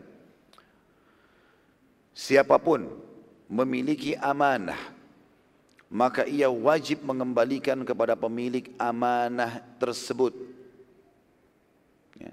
Baik dia masih hidup atau dia sudah menjelang meninggal dunia. Dia wasiatkan kalau ada orang titipkan sesuatu, dia masih hidup dia kembalikan. Kalau dia sudah takut dia meninggal, sakit parah, dia mau safar jauh, dia kembalikan. Atau dia wasiatkan kalau orangnya belum mau ambil, dia wasiatkan kepada anak keturunannya, kalau ini bukan punya saya, ini amanahnya si fulan. Dan Nabi SAW sendiri praktek masalah ini. Waktu beliau subhanallah mau hijrah ke Madinah, udah jelas-jelas mau tinggalkan Mekah, maka beliau pun mengembalikan amanah-amanah masyarakat Mekah. Gak ada yang tertinggal. Sampai sudah tidak ada, baru beliau hijrah ke Madinah. Bayangkan saking detailnya masalah itu. Dan Nabi SAW sama sekali tidak pernah mau mengkhianati atau mengambil sesuatu, apalagi mendukung orang lain. Kalau masih ingat di perang Khaybar, pernah ada satu pengembala dombanya Yahudi yang keluar, kemudian masuk Islam di tangan Nabi SAW. Lalu dia mengatakan, Ya Rasulullah, ini domba-domba punyanya Yahudi, bagaimana? Kata Nabi SAW, kembalikan. Itu di medan perang. Kembalikan. Kecuali kalau kita lagi berperang, mereka kalah dalam peperangan ini, itu hak kita. Tapi tidak boleh kita main ambil orang punya. Walaupun orang kafir ini. Ya, antum kerja di, tempat-tempat orang non muslim bukan berarti non muslim baru kita sengaja boleh menghalalkan apa yang hak dia nggak boleh. Tetap haram teman-teman sekalian. Ya. Maka Nabi SAW bilang kembalikan. Maka sahabat itu berkata, ya Rasulullah kalau saya kembali saya akan dibunuh oleh Yahudi. Kata Nabi SAW, lepaskan saja. Maka dia akan kembali sendiri. Maka karena perintah Nabi SAW orang itu lakukan. Kata para sahabat kami menyaksikan domba-domba tersebut seperti ada yang giring kembali masuk ke benteng orang-orang Yahudi. Jadi saking pentingnya untuk menjaga amanah. Ya, bahkan dalam hadis kata Nabi SAW, tidak ada iman seseorang yang tidak ada amanahnya. Amanah. Apa pun benda dititipkan teman-teman, saya titip ya, maka amanah. Sama juga sebagian ulama masukkan dalam masalah ini perkataan. Saya akan cerita, tapi jangan cerita orang lain ya. Hah? Sering nggak begitu? Baik. Antum bilang iya, hati-hati, amanah. Jangan untuk bilang lagi sama teman antum, ada ceritanya orang itu, tapi jangan cerita orang lain ya. Sama juga bohong berarti, enggak amanah, khianat. Dan ciri orang munafik kalau diberikan amanah dia berkhianat. Ini wasiat Nabi SAW, penting. Setiap muslim harus amanah. Ya. Yang membuat antum jadi bisa sukses dipercaya orang amanahnya, jujur. Untung-untung rugi-rugi, sampaikan apa adanya. Gitu. Yang kedua wasiat Nabi, selanjutnya maaf, selanjutnya wasiat Nabi SAW. Semua riba jahiliyah kata beliau. Ini jadi wasiat yang ketiga sebenarnya ya. Kata Nabi SAW, semua riba jahiliyah sudah aku lenyapkan. Artinya tidak lagi riba dalam Islam. Haram semua riba. Riba dari kata-kata raba yarbu yang berarti bertambah tanpa sebab. Bukan karena investasi, bukan segala macam. Apalagi kalau utang yang ditambahkan. Dan orang-orang Arab jahiliyah paling suka begitu. Ya. Minjamkan duit, misalnya seribu dirham kembali seribu seratus dirham. Ya kita sekarang sejuta rupiah kembali satu, satu juta seratus. Ini nggak boleh. Semua riba yang dengan cara jahiliyah ini aku hapuskan. Nggak ada lagi dalam Islam. Dan aku akan memulai dengan riba yang pernah pamanku Abbas bin Abdul Muttalib lakukan. Ya, dulu Abbas radhiyallahu anhu sebelum Islam belum tahu hukum, beliau punya harta banyak, beliau banyak mengutangkan ke orang, gitu kan? Kemudian dikembalikan dengan tambahan. Maka Nabi SAW mengatakan untuk menunjukkan kalau hukum ini tidak ada perbedaan antara keluargaku dengan yang lain, aku akan mulai dengan pamanku Abbas. Yang pernah Abbas tunjukkan, hapus semua, nggak ada lagi. Abbas pun meninggalkan itu karena Allah sudah masuk Islam pada saat itu ya. Kita sudah ceritakan Abbas masuk Islam kapan? Nah, siapa yang ingat? Saya kasih buku kalau gitu. Ada yang ingat nggak kapan Abbas masuk Islam? Angkat tangan. Ah, di belakang, Masya Allah. Fadal. Hmm. Hah? Pada saat akan akan pembebasan kota Mekah. Ahsan. Ya. Fadal. Anak kasih dua buku antum sekalian. Jadi pada saat pasukan muslimin sudah berada di pintu gerbang Mekah, Abbas radhiyallahu anhu keluar dari Mekah mau hijrah ke Madinah. Tidak tahu kalau Nabi SAW sudah ada di situ. Dan kata ulama, beliau adalah orang orang muslim yang terakhir hijrah dari Mekah ke Madinah. Walaupun beliau tidak sempat sampai ke Madinah, gitu kan. Kemudian Nabi SAW wasiatkan lagi, lanjut yang keempat, semua jenis pertumpahan darah jahiliyah karena dendam sudah aku hapus. Gak ada lagi ceritanya adik kita dibunuh orang lalu kita bunuh juga orang itu. Gak ada lagi perumpamaan darah yang biasa dilakukan di zaman jahiliyah karena dendam, karena sudah aku hapus. Dan yang pertama aku luruskan ialah tuntutan darah Amir bin Rabi'ah bin Harith bin Abdul Muttalib. Ya. Ini termasuk adalah keluarga Nabi SAW. Amir bin Rabi'ah bin Harith. Harith ini paman Nabi SAW. Jadi ini sebenarnya ponakan Nabi.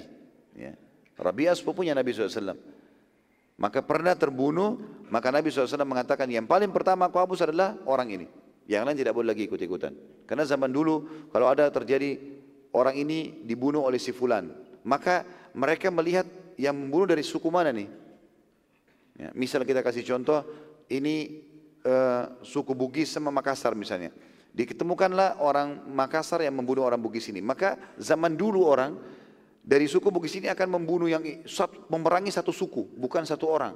Itu zaman jahiliyah dulu. Ini saya cuma datangkan contoh saja ya. Maka dalam Islam dihapus, tidak ada lagi semua itu. Enggak ada. Yang salah siapa, serahkan kepada pemerintah, maka dihukum oleh pemerintah. Bukan lagi individual yang menghakimi itu. Nah ini yang dimaksud dengan pertumpahan darah zaman jahiliyah. Lalu beliau wasiatkan lagi. Ya. Selanjutnya, Tentu di sini makna kalimat penting ya di wasiat keempat ini dendam. Enggak ada dendam dalam Islam. Saya sudah pernah bilang teman-teman, sebagai seorang muslim, orang mukmin yang baik, kita tahu hubungan kita sama Allah. Di dalam kamus pikiran kita ini semua kalimat negatif hapus. Dendam, putus asa, ya, sakit hatilah, apa bahasanya enggak ada dalam Islam. Karena semuanya akan ada nilai pahala di sisi Allah kalau kita bisa menerima sebagai keputusan Allah. Ada orang yang menyakiti kita, kita luruskan. Tapi kita sambil bersabar. Gitu kan? Maka itu semua ada pahala di sisi Allah subhanahu wa ta'ala. Wasiat yang kelima. Kata Nabi SAW, semua tradisi kesombongan dan berbangga-bangga antara suku. Sudah aku hapus. Ya. Kecuali as-sidanah. As-sidanah artinya pengurusan Masjidil Haram. Ka'bah dan jemaah haji yang datang kepadanya dan as-siqayah. As-siqayah artinya memberi minum jemaah haji. Jadi yang dimaksud dengan wasiat yang kelima ini semua suku ada, suku-suku yang ada tidak lagi perbedaan di antara mereka. Dalam Islam tidak ada lagi, karena itu cuma variasi kehidupan. Gak boleh lagi kita merasa bahwasanya kita lebih karena dari suku ini dan suku itu. Termasuk juga masalah orang Arab. Nanti akan ada wasiat Nabi SAW. Tidak ada perbedaan antara Arab sama Ajam. Bukan berarti karena saya dari orang Arab, kata Nabi SAW, lalu kemudian kalian bisa bangga. Enggak. Karena perbedaannya di masalah ketakwaan. Enggak ada lagi bedanya. Ya. Maka beliau mengatakan hapus semua sifat berbangga-bangga dan sombong. Menganggap dirinya adalah suku yang lebih daripada suku yang lain. Kecuali as-sidana. Kenapa Nabi SAW kecualikan sidana, pengurusan Masjid Haram Ka'bah, dan jemaah yang tawaf di situ serta as atau memberikan minum jemaah haji karena ini tetap di tangan Quraisy. Karena ini akan tetap di tangan Quraisy, ya. Karena memang mereka yang diberikan oleh Allah Subhanahu wa taala dan sampai hari ini tentu ya, pemegang kunci Ka'bah ya. Ini semua ini yang mengurus adalah dari turunan Quraisy. Wasiat yang keenam. Nabi SAW mengatakan al-amdu qaut. Artinya pembunuhan secara sengaja tanpa alasan agama Islam maka dibalas dan keputusan di tangan keluarga yang terbunuh namanya al-amdul al-amdu qaut artinya betul-betul kalau ada orang membunuh secara sengaja bukan karena membela dirinya ya bukan karena dalam kondisi tidak sadar gila misalnya ya maka hukumannya adalah dikembalikan kepada keluarga orang yang dibunuh. Keputusan di tangan mereka. Lalu Nabi SAW jelaskan, bagaimana keputusan mereka? Bila mereka putuskan pembunuh dibunuh, maka dibunuhlah pembunuh tersebut. Dikisos. Anak saya dibunuh sana, maka bunuh juga dia. Pemerintah setempat yang mengkisos, dipenggal kepalanya. Atau, kata Nabi SAW, mereka boleh meminta dia, denda atau mereka memaafkan. Jadi ada keputusan di tangan keluarga yang dibunuh. Sementara shibhu amt, shibhu amt artinya orang membunuh tapi tidak secara langsung ya, tidak secara langsung dia bermaksud tapi dia membunuh. Kalau kita bilang mungkin orang bunuh tidak sengaja ya. Nabi SAW mengatakan maka hukumannya tetap membayar ke keluarga yang dibunuh ya. 100 ekor unta Barang siapa yang menambah lebih dari apa yang telah aku tetapkan, maka itu termasuk tradisi jahiliyah yang haram. Jadi kayak misalnya antum memanah, ya, kemudian kena orang, kan tidak kita maksudkan, tapi membunuh juga. Gitu kan. Maka ini masuk dalam shibhu amt. Karena antum sudah tahu antum pegang senjata yang berbahaya. Ya, maka ini masuk dalam istilah ini. Lalu Nabi SAW bilang lagi, wahai sekalian manusia. Tadi itu wasiat yang keberapa? Yang keenam. Lalu Nabi SAW bilang, wahai sekalian manusia. Sesungguhnya syaitan sudah putus asa disembah di wilayah kalian ini. Jazirah Arab tidak bisa lagi syaitan disembah.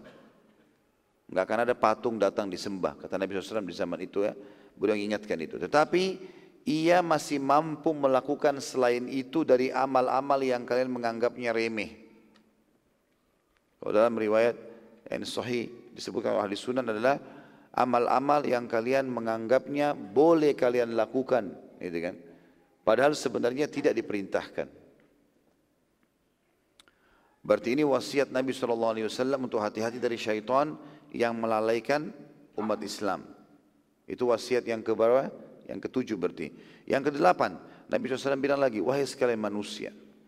Sesungguhnya an-nasi adalah kekufuran di atas kekufuran di mana orang-orang kafir menghalalkannya setahun dan mengharamkannya setahun pula. Ketahuilah bahwa perputaran waktu sudah aku kembalikan seperti awal Allah menciptakannya. Pertanyaan saya di sini, apa itu an-nasi? Ada yang tahu enggak? Kalau yang ikuti kajian sirah kita pasti tahu ini. Kalau dihubungkan dengan kasus Abraha, sebab Abraha menyerang Mekah. Kenapa? Hah? Hah? Kenapa? Ya, merubah pertanggalan haram. Ya, jazakallah khair. Ahsan. Fadal. Jadi nasi itu teman-teman, mereka sengaja mengubah ya tanggal-tanggal dan bulan-bulan haram Ya. Jadi orang-orang Arab dulu mereka tergantung dengan bulan-bulan haram. Bulan-bulan haram ini nggak boleh berperang. Rajab, Zulkaadah, Zulhijjah dan bulan Muharram. Ini kan mereka tidak boleh berperang. Tapi mereka butuh zaman dulu sebelum Islam, mereka selalu hidup dari berperang. Jadi kalau sudah kehabisan bekal satu suku, mereka cari suku mana yang punya banyak harta simpanan, makanan mereka serang. Nah tapi di empat bulan kan tidak boleh berperang nih. Maka mereka mencari, membentuk satu tim, mereka diistilahkan dengan ahlun nasi. Ya. Mereka punya hak mengubah-ubah. Mereka boleh bilang, misalnya sekarang Muharram nih, ah enggak ini sekarang Safar. Muharram tahun bulan depan aja. Diubah-ubah. Jadi jadi kacau. Perhitungan tanggal waktu itu jadi kacau. Karena bulan-bulan jadi kacau. Tadinya Muharram bulan pertama jadi bisa jadi berpindah jadi bulan kedua. Safar dimajukan. Berarti sekarang kita boleh perang. Ayo perang gitu. Seperti itu. Kejahilan ini ya. Tapi ada ada orang-orang yang dianggap dewasa, bijak, ya. Kemudian mereka lah yang di, dijadikan sebagai ahlun nasi. Saya tadi bilang kisah Abraha kalau masih ingat Abraha dulu kan tinggal di Yaman. Waktu dia bangun gereja Kulais untuk disembah, dia mau dia takut Najasyi marah sama dia, gitu kan? Kemudian dia pun membangun gereja untuk menenangkan Najasyi. Karena Abraha dulu dia adalah wakil daripada Iryad. Iryad ini pimpinan perangnya, panglima perangnya Najasyi yang diutus dari Ethiopia untuk menyerang Yaman pada saat itu. Rupanya Iryad ini waktu menang menguasai Yaman zalim. Abraha marah. Kenapa kok kamu zalim gini-gini? Ribut, akhirnya terjadi dua kubu pasukan eh, Ethiopia waktu, waktu pada saat itu. Kemudian Abraha waktu sudah melihat pasukan bertemu, dia bilang sama Iriad, daripada pasukan Ethiopia berperang lebih baik saya sama kamu yang duel. Ini saya reviewkan saja sedikit ya. Maka akhirnya Sempat mereka duel. Lalu kemudian Iryad karena lebih kuat memang dan lebih pandai dalam berperang sempat memotong hidungnya Abraha. Makanya Abraha punya julukan Abraha Ashram, hidungnya nggak ada, gitu kan? Maka waktu darah lagi ngucur, Iryad pikir dia sudah menang. Maka dia pun bersorak-sorak depan pasukannya membelakangi Abraha lalu Abraha datang dari belakang menusuk dia. Matilah Iryad. Terbunuhlah Iryad. Maka Abraha jadi pemimpin Yaman pada saat itu. Najasyi waktu dengar marah. Waktu itu mereka beragama Nasrani ya. Marah kok bisa Abraham membunuh panglima perangnya Iryad. Maka dia bersumpah ingin datang ke Yaman, menginjak kakinya ke Yaman, kemudian menggundul kepalanya Abraha. Lalu Abraha pun akhirnya takut pada saat itu karena dia tahu Najasyi siapa, rajanya dia. Maka dia menggundul kepalanya, lalu dia taruh rambutnya dalam satu kotak, dia ambil tanah Yaman, kemudian ditaruh dalam satu kotak, dikirim ke Ethiopia. Lalu dia mengatakan, wahai Najasyi, aku sudah membayar utangmu. Ini tanah Yaman injak saja, dan ini rambutku sudah aku gundulkan. Gitu kan? Aku patuh padamu. Maka Najasyi akhirnya berubah pikiran, baiklah kalau gitu, gak jadi ke Yaman. Tapi Abraha kena ketakutan, maka dia ingin membuat ah, Najasyi senang. Dia buatlah gereja namanya Kulais. Lalu kemudian dia bilang sama pasukannya untuk sudah buat itu, panggil semua orang-orang Arab, Jazirah Arab ini untuk datang ke sini, ibadah, masuk Nasrani semuanya. Tapi akhirnya mereka ah, orang-orang di, di, di sekitar itu mengatakan, uh, kami akan coba, dicoba disebarin berita. Rupanya dari Mekah ada ahlun nasi ini. Orang-orang yang sebenarnya mereka buruk ya. Mereka mengubah-ubah bulan bulan haram tadi. Tapi mereka sangat cinta dengan Ka'bah. Waktu mereka dengar Abraha mau menyuruh orang-orang Mekah, seluruh jazirah Arab pergi menyembah, beribadah di Kulais, maka salah satu ahli nasi datang lalu mengencingi Kulais, gerejanya Abraha. Sama dia juga dalam riwayat dalam dalam kisah bukan riwayat dalam kisah dikatakan dia buang air besar lalu dikotorin temboknya gereja Kulais. Lalu dia pulang ke Mekah. Abraha tanya, siapa yang buat ini di gereja saya? Mereka bilang satu orang penduduk ahli uh, penduduk Mekah. Ya, salah satu dari ahli nasi. Siapa itu ahli nasi? Penduduk Mekah. Ya, yang menghormati Ka'bah. Apa itu Ka'bah? Salah satu rumah yang dimuliakan oleh masyarakat Mekah. Gara-gara itu Abraha bentuk pasukan gajah untuk menyerang Ka'bah. Ingat gak ini? Allahu alam. Baiklah, yang jelas teman-teman sekalian, nasi adalah mereka mengubah-ngubah itu. Ya, mereka membentuk untuk menghalalkan bulan-bulan haram yang tadinya dalam syariat Nabi Ibrahim AS memang tidak boleh sama sekali mereka berperang pada saat itu. Kalau mau lebih jelas, nasi itu disebutkan dalam Al-Quran dalam surah At-Taubah, surah nomor 9 ayat 37. Saya bacakan ayatnya. A'udzubillahi minasyaitonirrajim. Innaman nasi'u ziyadatun fil kufur. Yudallu bihi alladhina kafaru yuhillunahu 'aman wa 'aman liwati'u iddata ma harramallah. Liwati'u iddata ma harramallah wa yuhillu ma harram ma harramallah. Zuina lahum su'amalihim wallahu la yahdil qaumal kafirin. Sesungguhnya mengundur-undur bulan haram itu Maksudnya adalah bulan Muharram, Zulkaadah, Zulhijjah dan bulan, uh, bulan Rajab ya. Muharram, Rajab, Zulkaadah, Zulhijjah. Ini mereka mengubah-ubah itu kata Allah adalah menambah kekafiran mereka. Disesatkan orang-orang kafir dengan mengundur-undur itu, mereka menghalalkannya pada satu tahun dan mengharamkannya pada tahun yang lain. Agar mereka dapat mempersesuaikan dengan bilangan yang Allah mengharamkannya maka mereka menghalalkan apa yang diharamkan Allah. Syaitan menjadikan mereka memandang perbuatan mereka yang buruk itu dan Allah tidak memberi petunjuk kepada orang-orang kafir. Ya. Bisa juga makna yang lain daripada nasi adalah mereka mengatakan tahun ini halal, nggak ada bulan haram. Muharram kah, Rajab kah, boleh berperang. Tahun depan aja baru kita haramkan. Ada juga tadi pendapat ulama mengatakan makna daripada firman Allah ini adalah mereka tahun ini lagi butuh harta, lagi mau perang. Maka mereka bilang, sekarang Muharram, tidak kita majukan aja safar, kita majukan, Muharram dipindah di bulan kedua. Jadi kacau semuanya gitu kan. Dan bulan-bulan haram ini dari empat ini, Muharram, Rajab, Zulqa'dah, Hijjah, dan disebutkan dalam surah At-Taubah, surah nomor 9 ayat 36 yang bunyinya, A'udzu billahi minasyaitonir rajim. Inna iddat asy-syuhuri indallahi 12 syahran fi kitabillahi yawma khalaqas samawati wal ard.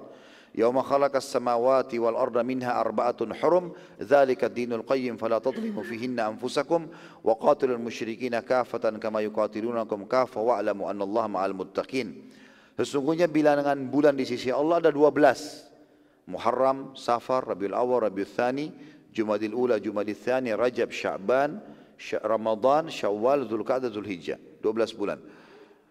Kata Allah, sungguhnya di sisi Allah bilangan bulan ada 12 dalam ketetapan Allah di waktu dia menciptakan langit dan bumi. Di antaranya ada empat bulan yang harum, yang dimuliakan. Itulah Muharram, Rajab, Zulqa'dah, Zulhijjah. Itulah ketetapan agama yang lurus, maka janganlah kamu menganiaya dirimu di bulan-bulan tersebut. Jangan buat dosa karena dosanya dilipat gandakan hukumannya dan e, dalam empat bulan itu dan perangilah orang-orang musyrik semuanya sebagaimana mereka memerangi kalian dan ketahuilah bahwasanya Allah bersama dengan orang-orang yang bertakwa. Ini kurang lebih gambaran tentang penjelasan nasi dan asyurul hurum. Apa kata Nabi SAW tadi berhubungan dengan masalah ini? Wahai sekalian manusia, sesungguhnya an-nasi mengubah-ubah dan memaju mundurkan bulan-bulan yang haram itu atau dimuliakan itu adalah kekufuran di atas kekufuran di mana orang-orang kafir menghalalkannya setahun dan mengharamkannya setahun pula. Ketahuilah bahwa perputaran waktu sudah aku kembalikan seperti awal Allah menciptakannya. Jadi Nabi SAW pada saat itu kan bulan Zul Hijjah. Di musim haji kan, bulan ke-12. Maka Nabi SAW mengatakan sekarang, mulai sekarang ini, habis ini, mulai Muharram, Safar, kembali teratur lagi. Enggak ada lagi nasi.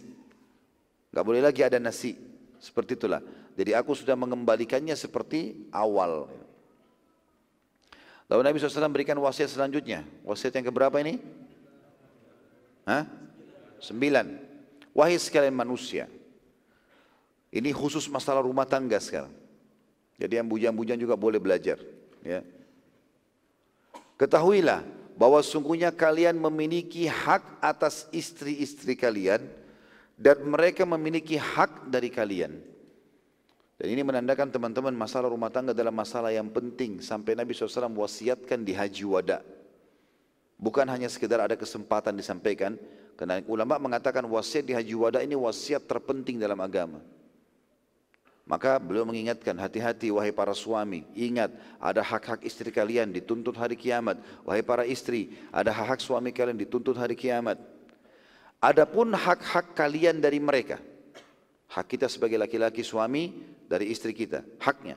Yang pertama, mereka tidak boleh memberikan kesempatan siapa pun tidur di ranjang kalian selain kalian.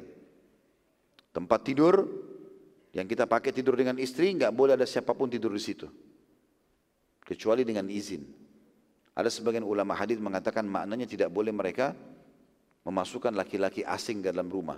Tapi makna yang lebih umum, lebih baik, lebih tepat adalah memang tidak boleh sama sekali ranjang yang sudah dipakai tidur suami dipakai lagi oleh orang lain. Walaupun orang tuanya si perempuan tadi, ya. walaupun anaknya dia harus izin dengan suaminya. Boleh nggak di sini tidur anak-anak? Boleh nggak uh, kita kan safar orang tua saya datang? Boleh nggak dia pakai kamar kita? Harus izin. Itu hak. Yang kedua, mereka tidak boleh memasukkan siapa pun ke dalam rumah kalian yang kalian tidak senangi kecuali dengan izin kalian. Enggak boleh sama sekali. Jadi muslimah harus faham masalah ini. Sampai sebagian ulama mengatakan andai saja, ini sebagian saja. Ada seseorang wanita punya rumah. Dia kaya raya, dia nikah sama laki-laki miskin. Tidak punya apa-apa. Lalu suaminya tinggal bersama dengan istrinya. Sekarang si laki-laki ini sudah berstatus suami. Tetap hukumnya berlaku. Artinya bukan berarti perempuan bilang ini kan rumah saya terserah saya mau masukkan siapa saja. Enggak boleh. Tetap izin sama suaminya walaupun rumah dia. Karena sekarang si suami yang ada di situ dia pemimpinnya. Apalagi kalau dasarnya rumah itu punyanya suami. Hah? Hadir enggak ini? Kok senyap sekali? Hah? Atau lagi mau nuntut istri sebentar pulang? Ini saya mau sebutkan sebentar gitu ya. Hmm. Baik. Kemudian yang ketiga, haknya adalah mereka tidak boleh selingkuh. Ya. Jadi ini tentunya larangan dari Nabi SAW. Apa kepanjangannya selingkuh? Hah? Tahu nggak? Selingan indah rumah tangga utuh. Orang bilang, saya cuma ikut-ikutan. Tapi maknanya masih masuk. Jadi ada orang gitu diam-diam berbuat haram di belakang, yang penting rumahnya tetap utuh. Maka diistilahkan diringkas dengan selingkuh. Eh, enggak boleh. Baik kalau ada akhwat kita yang bilang, Ustaz apakah berarti laki-laki boleh selingkuh? Tentu tidak boleh juga. Gitu kan? Tapi kenapa perempuan lebih difokuskan? Karena perempuan punya bekas. Kalau dia berhubungan biologis atau nauzubillah dia zina sama laki-laki lain lalu dia hamil, makanya jadi hukum berbeda, beda. Laki-laki tidak ada istilah hamil. Mereka pun haram selingkuh. Tetapi efeknya kepada wanita itu lebih besar. Makanya Nabi SAW sampaikan masalah itu. Lalu Nabi bilang, bila para istri kalian nusyud. Apa nusyud? Hah? Apa artinya nusyud? Membangkang tidak mau menjalankan kewajibannya. Bila istri kalian membangkang, ya tidak mau jalankan kewajibannya, maka kalian boleh tiga hal. Menasehati dengan serius. Ingatkan, ya. Kemudian kalau nolak, tidak mau dengar nasihat, misal dia tidak tutup aurat, pakailah jilbab, haram itu nggak boleh. Gini kita nasihatin, serius. Sudah dinasihati, berapa kali nggak mau? Suruh sholat nggak mau. Suruh jaga pergaulan nggak mau. Nasihatin dengan serius, ingatkan dalil-dalil syar'i. Nggak mau juga. Yang kedua, menahan biologisnya atau istilah agama kita hajar. Hajar, e bukan a, bukan hajar. Ya, dihajar. Jadi dihajar ini artinya diboikot, diranjang. Ya, dan ini Nabi SAW wasiatkan, boleh kalau sudah dinasihatin tidak mau. Sehingga dia merasa suaminya walaupun dia sudah dandan segala macam suaminya nggak mau dekatin. Dan khusus masalah hajar ini tidak boleh kecuali di rumah. Ya. Kata Nabi saw tidak boleh hajar kecuali di rumah. Jadi nggak boleh antum kalau yang ngambek sama istri pulang ke rumah orang tua. Itu sifat perempuan. Laki-laki nggak boleh. Karena walaupun antum lagi jengkel sama istri tidak boleh antum tinggalkan rumah Tetap antum rumah itu tetap tanggung jawab antum kalau ada pencuri datang, kalau mati lampu, kalau mati air, segala macam ada anak yang sakit, tetap tanggung jawab antum itu. Ya kan? Kalau juga tidak berbekas, tidak mau berubah, maka pukullah mereka dengan pukulan yang tidak berbekas. Ya, atau darbatun ghairu mubarrah, ya. Sebagian ulama mengatakan pukulan tersebut dengan menggunakan kayu siwak. Menggunakan kayu siwak atau ujung jari diingatkan ya bukan Tidak usah tunjukkan itu. Kalau antum lagi mau tinju gampang, pergi ke ring tinju sana. Jangan istri yang di box. Ya. Lalu kata Nabi SAW, bila para istri sudah patuh, diingatkan, dengar. Oh iya maafin saya ya, udah.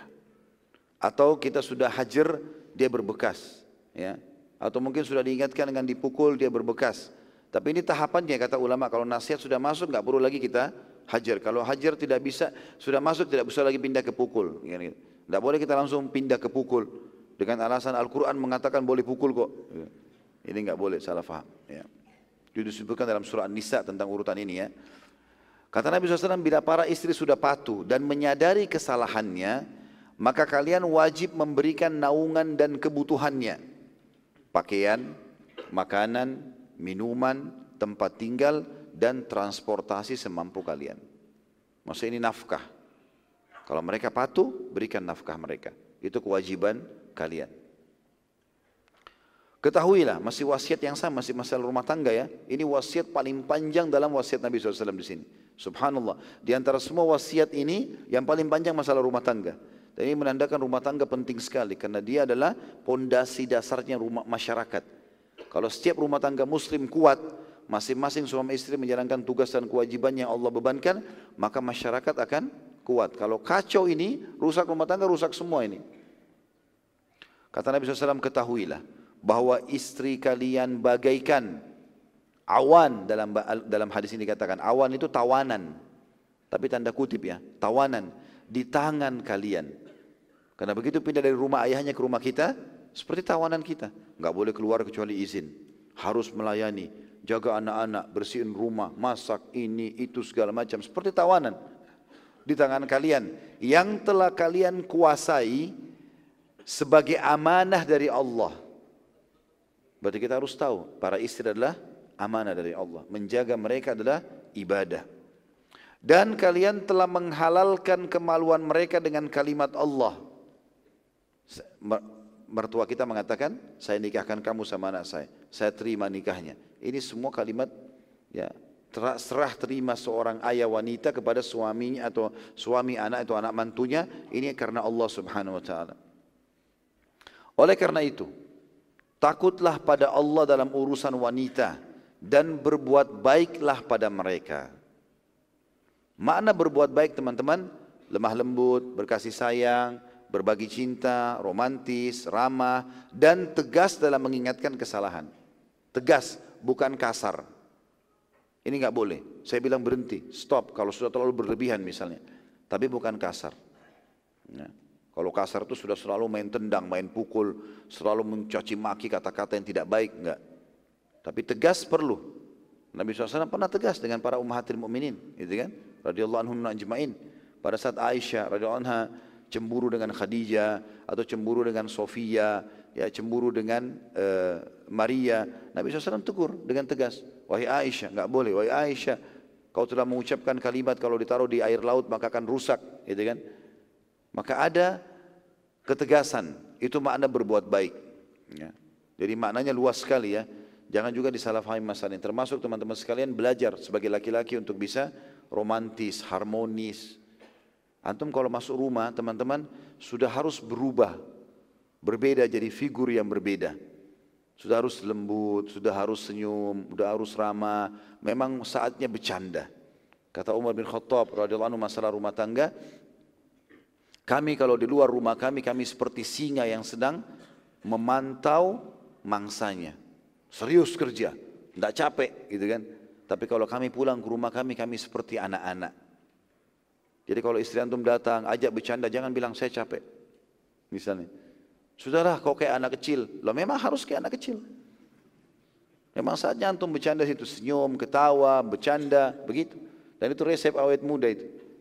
Tapi kasihan yang masih bujang. Enggak punya. Makanya serius betul yang bujang dengarin. Cuma bisa mengkhayal saja.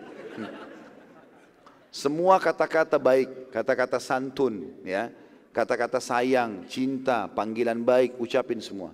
Ya sayang, ya. Apalah bahasa-bahasa kita semua digunakan. Nabi SAW memanggil Aisyah dengan Humaira, ya dan selalu memanggil dengan kata-kata yang baik semuanya santun. Bahkan Nabi SAW memberikan nama-nama baik dalam segala hal. Panggilan baik termasuk pedang beliau, perisai beliau, baju perang beliau, kuda beliau, gitu kan. Semua diberikan nama-nama yang baik. Dan Nabi SAW tidak suka dengan nama yang tidak baik. Sampai beliau pernah mau lewatin gunung, ada dua gunung. Lalu beliau pas lihat gunung itu menghimpit, jadi harus lewat situ. Maka Nabi SAW tanya, berhenti dulu. Siapa yang tahu ada nggak namanya dua gunung ini? Ada sahabat bilang, iya ya Rasulullah. Yang sebelah kanan anda namanya uh, fadih. Fadih itu pembongkar aib. Lalu yang sebelah kiri anda namanya mukhzi, penghina. Kata Nabi SAW cari jalan lain. Jangan lewat situ. Makanya hati-hati teman-teman sekalian. Mungkin ada orang subhanallah suami istri bercanda. Mungkin istrinya gemuk atau gendut dipanggil, eh gendut misalnya. Jangan pakai kalimat ini, tidak usah. Biar juga gendut, hai cantik gitu loh. Ya. Mungkin sedikit bau, wah harumnya bas. Karena kan itu dibolehkan dalam syariat, ya kan? Maka begitu. Apalagi perempuan pakai perasaan, jangan antum pakai kata-kata yang tidak memuji. Mereka butuh royal pujian terhadap istri itu penting. Puji saja. Selalu Masya Allah. Dia masa enak enggak? Masya Allah. Bagus enggak? Masya Allah. Masya Allah. Tidak ada ruginya antum puji. Nah? Itu peringatan ini wasiat Nabi di hari haji wada. Bayangkan saking pentingnya. Karena banyak orang begitu subhanallah. Banyak keluhan juga di pengajian Ummahatil Mu'minin menulis bagaimana kalau suami tidak romantis. Bagaimana kalau suami tidak ramah. Bagaimana bagaimana bersikap. Gitu kan? Karena banyak juga laki-laki begitu mungkin kena terdidik biasa apalagi kalau orang tuanya sudah meninggal mereka masih kecil atau sering melihat pertengkaran dalam rumah tangga orang tuanya sering mendengar kata-kata kasar, dicaci maki dengan nama binatang segala macam di rumahnya, maka dia tarik dalam kehidupan dia sekarang dan ini keliru. Ini nggak boleh terjadi. Ya. Ini sama sekali tidak boleh terjadi. Ini wasiat Nabi ya. Dan ini wasiat yang terakhir berhubungan dengan masalah rumah tangga. Setelah Nabi SAW mengatakan, takutlah kalian kepada Allah dalam urusan wanita. Hati-hati, jangan tipu mereka. Tetap berbuat baik sama mereka dan berbuat baiklah. Baik artinya tadi saya bilang berlemah lembut, berkasih sayang, cinta, romantis. Semua kata-kata yang berhubungan dengan itu teman-teman lampiaskan pada pasangan antum. Supaya antum jangan lampiaskan lagi ke tempat lain.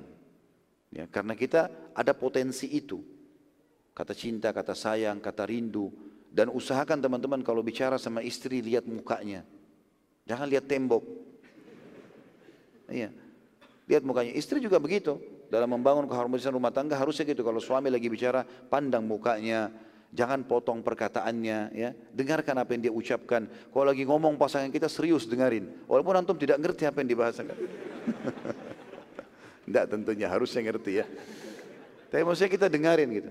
Saya kadang-kadang biar capek pulang ke rumah, istri saya lagi cerita, gitu, saya dengarin aja. Oh iya iya, iya.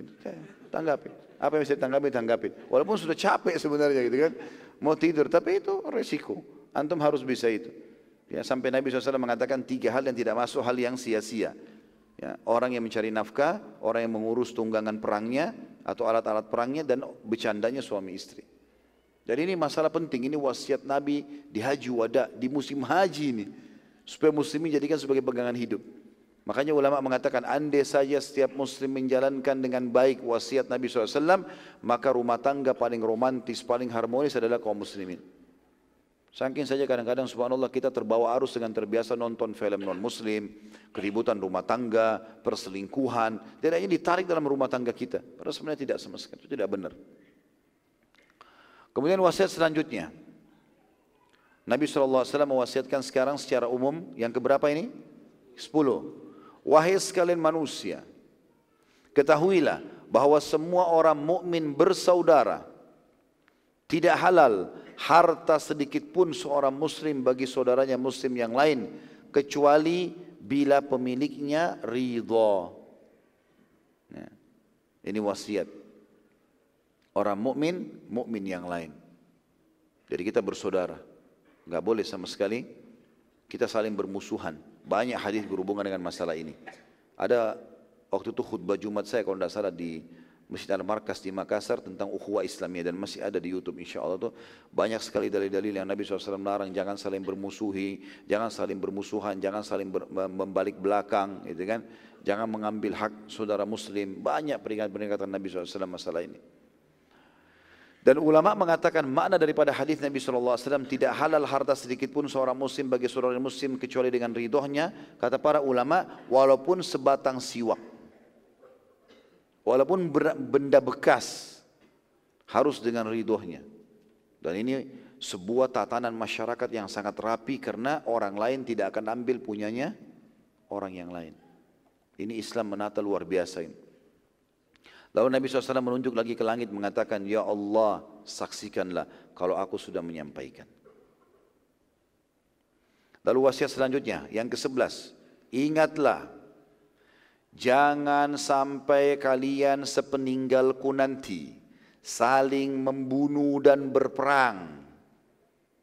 Gak ada umat Islam saling tonjok-tonjokan, musuh-musuhan, tidak ada. Aku tinggalkan kepada kalian supaya tidak berperang dan bermusuhan dua hal yang kalau kalian berpegang tidak akan keliru selamanya, sesat selamanya. Kitabullah wa sunnati. Berpegang pada kitabullah dan sunnahku. Artinya kalau rujukannya selalu dalil Al-Quran, sunnah, Al-Quran, sunnah, kalian tidak akan berselisih. Karena bermusuh-musuhan bermula dari masalah ini. Merasa pendapatnya lebih benar. Ya. Tidak perlu kembali kepada dalil-dalil, maka ini jadi masalah. Ini wasiat penting teman-teman juga tatanan masyarakat. Tidak boleh saling bermusuhan. Ya. Lalu Nabi SAW menunjuk lagi. Ya Allah saksikanlah kalau aku sudah menyampaikan. Allahumma syahad kata beliau sambil menunjuk ke langit. Wasiat selanjutnya. Yang ke-12. Wahai manusia. Sekarang tadi wasiat ngerucut ke rumah tangga meluas ke masyarakat muslim, sekarang meluas ke seluruh masyarakat manusia. laki-laki uh, muslim atau bukan muslim. Kata Nabi SAW, wahai manusia, ketahuilah bahwa Tuhan kalian satu, Allah. Ayah kalian satu, Adam. Dan Adam dari tanah. Stampan apa pun kalian, sekaya apa pun kalian, setinggi apa pun jabatannya, seluas apa pun, uh, setinggi apa pun titelnya, sama dari tanah. Ya. Sesungguhnya yang paling mulia di sisi Allah diantarkan yang paling bertakwa Takwa saya sudah bilang tadi yang paling patuh. Dan ingat, sesungguhnya tidak ada bedanya antara Arab dengan Ajam. Ajam artinya selain Arab, kecuali dengan ketakwaan. Dan ini ulama menanggapi mengatakan, sabda Nabi SAW yang mengatakan tidak ada beda antara Arab dengan Ajam kecuali ketakwaan, seakan-akan beliau mengatakan, walaupun aku dari turunan Arab, bukan berarti Arab lebih baik daripada yang lainnya kecuali ketakwaan. Dan ini berita gembira. Kalau hanya hanya turunan Arab saja yang mulia ini jadi masalah juga. Karena semua orang bisa syahadat. Tapi Nabi SAW mengatakan semuanya turunan mana pun, wilayah mana pun di muka bumi ini, yang paling bertakwa dia yang paling dekat dengan Allah. Dan subhanallah, sebab utama terpecahnya umat Islam justru karena melanggar peringatan ini. Fanatisme muncul, merasa diri lebih daripada yang lain. Makanya tidak ada teman-teman dalam Islam rasis, rasisme tidak ada. Ya, walaupun kita tahu seperti kasus misalnya muhajirin dan ansar. Kenapa Nabi SAW persaudarakan di antara mereka? Supaya orang-orang asli Madinah tidak lagi mengatakan kalian kan pendatang, ini wilayah kami. Gak ada lagi orang begitu. Gak ada lagi Jakarta orang Betawi bilang kalian kan pendatang, kami orang asli. Gak ada lagi orang di Sulawesi Selatan, orang Makassar, Bukit Makassar mengatakan kalian kan pendatang, hai orang Jawa. Maka kami pemilik tempat. Gak ada lagi orang Jawa mengatakan kalian kan pendatang, kami adalah orang Asli nggak ada lagi dalam Islam. Semua ini buminya Allah. Nggak ada perbedaannya. Dan yang membedakan secara individu hanya tingkat ketakwaannya kepada Allah Subhanahu wa taala. Lalu beliau tunjuk lagi ke langit, Allahumma syhad, ya Allah saksikanlah aku sudah menyampaikan. Lalu beliau bertanya kepada para hadirin, wahai sekalian manusia, apakah aku sudah menyampaikan? Jelas nggak kalian dengar semua ini? Maka orang-orang menjawab, iya kami telah menyaksikannya. Maka Nabi SAW mewasiatkan kepada orang yang hadir. Maka hendaklah yang hadir memberitahukan kepada yang tidak hadir. Lalu beliau wasiatkan selanjutnya, yang ke-12. Ya, wasiat yang ke-12. Wahai sekalian manusia, ketahuilah bahwa Allah telah membagi dan menetapkan hak masing-masing ahli waris. Dan tidak boleh ada wasiat lebih daripada sepertiga harta. Saya jelaskan poin ini.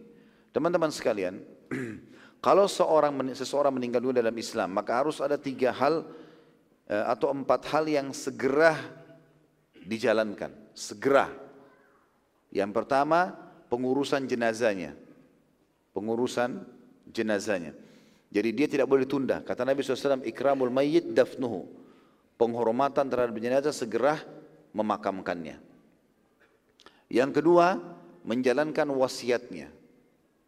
Dan ini kita disunahkan teman-teman menulis wasiat. Kalau antum punya utang sama orang, antum ingin uh, sebagai misalnya Allah SWT bukain antum harta, antum punya tabungan sekian miliar, pengen kalau meninggal nanti ada amal jariah. Antum pengen wakafin tanah, pengen uang disedekahkan di mana ya, itu boleh tulis wasiat. Tetapi Nabi bilang, tapi tidak boleh ada wasiat lebih daripada sepertiga harta.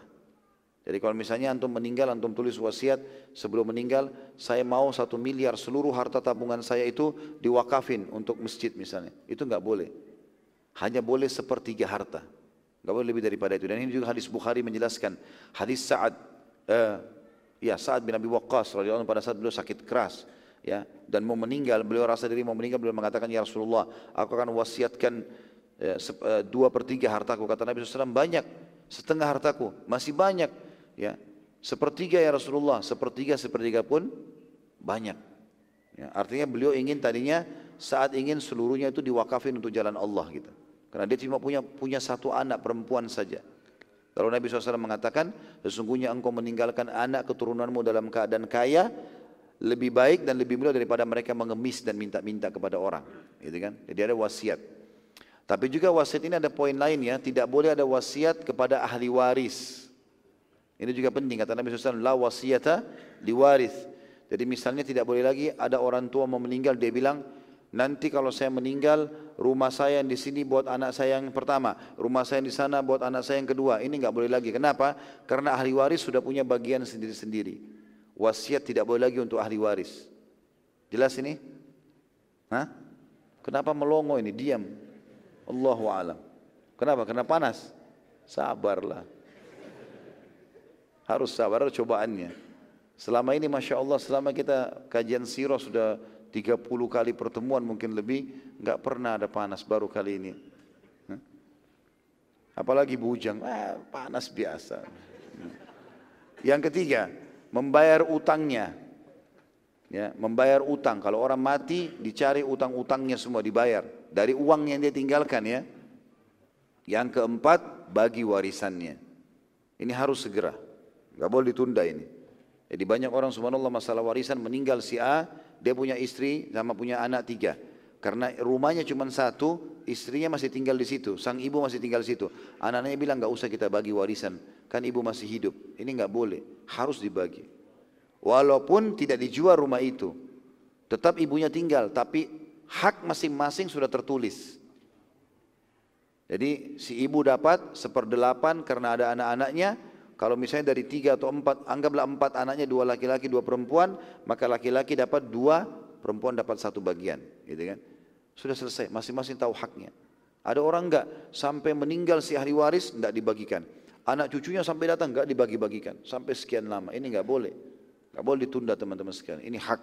Makanya kata Nabi SAW, wahai sekalian manusia, ketahuilah bahwa Allah telah membagi dan menetapkan hak masing-masing ahli waris. Mati, orang meninggal harus segera dibagi. Dan bukan tugas antum membagi-bagi warisan kalau antum meninggal. Itu urusan Allah SWT yang atur nanti. Bukan urusan kita. Bahkan kita siapa yang kafani, siapa yang ini boleh kita wasiat. Tapi kalau enggak, enggak ada yang lakukan ya sudah. Siapa saja, itu sudah Allah yang urus, urus nantinya. Kemudian selanjutnya wasiat yang yang ke-13. Ketahuilah kata beliau sallallahu alaihi wasallam bahwa setiap anak yang lahir ternisbatkan kepada suami. Dan bila terbukti si istri berzina maka ia dan pasangan zinanya dirajam. Ya. jadi kalau naudzubillah ada kasus seorang wanita punya suami.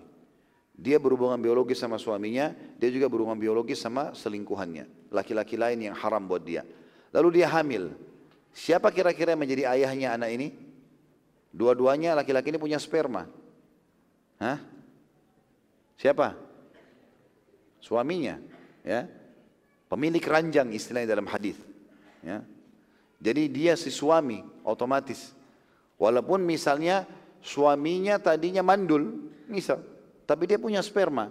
Dia berumur sama istrinya. Lalu istri ini selingkuh sama laki-laki lain normal, dia subur, lalu hamillah si perempuan ini. Kalau lahir tetap anak itu punya si suami, karena dia dia di sini suami sah. Maka kata Nabi SAW, ketahuilah setiap anak yang lahir ternisbatkan kepada suami. Dan bila terbukti si istri berzina, maka ia dan pasangannya dirajam. Karena mohsan, orang sudah menikah lalu berzina. Dan ini hukum jelas dalam Islam dan bukan penjara. Apalagi sampai hanya dibiarkan serta leluasa cerai begitu saja lalu mengiklankan nikah dengan perselingkuhannya. Ini sering terjadi di kita kan? Allah musta'an Jadi ada seorang perempuan, dia selingkuh misalnya, dia selingkuh dengan seorang laki-laki karena dia laki-laki itu lebih kaya, lebih tampan, ya kan? Kemudian dia uh, lalu uh, uh, apa namanya tidak suka sama suaminya. Sudah saya sudah tidak mau sama kamu. Kenapa? Karena saya sudah suka orang lain. Dia tidak malu, tidak apa. Suaminya sudah bahkan mau memaafkan asal dia mau tobat, tidak mau. Ajukan di pengadilan, cerai. Ya dengan Ayah sampai cerai lalu dia nikah sama perselingkuhan dan uniknya diiklankan itu nikah sama perselingkuhannya, dibuat pernikahan resmi lagi. Ini semua haram dalam Islam. Ya, haram. Ini yang seperti ini harus dihukum jelas. Rajam kata Nabi SAW. Sampai rajam. Terbukti dia selingkuh, dia berzina, dirajam. Kalau tidak ada hukum Islam maka harus hukum yang keras, tidak boleh main-main. Kalau kita tidak, subhanallah, gitu kan. Bahkan penjara dua tahun, lima tahun, penjara-penjara yang Mungkin hanya di penjara pun masih makan, masih tidur, masih, tidak ada hukuman yang membuat dia kapok gitu ya. Padahal ini ini sesuatu yang berbahaya karena merusak tatanan masyarakat dengan rusaknya rumah tangga. Selanjutnya, wasiat Nabi SAW dan ini juga berarti menandakan diharamkannya zina ya. Wasiat yang keberapa? 14. Ketahuilah bahwa siapa pun yang menisbatkan diri kepada selain ayahnya atau budak yang menisbatkan diri bukan pada pembebasnya atau maula maka baginya laknat Allah malaikat dan seluruh manusia tidak akan diterimanya seluruh amal wajib maupun sunnah. Tidak akan diterima darinya seluruh amal wajib ataupun sunnah.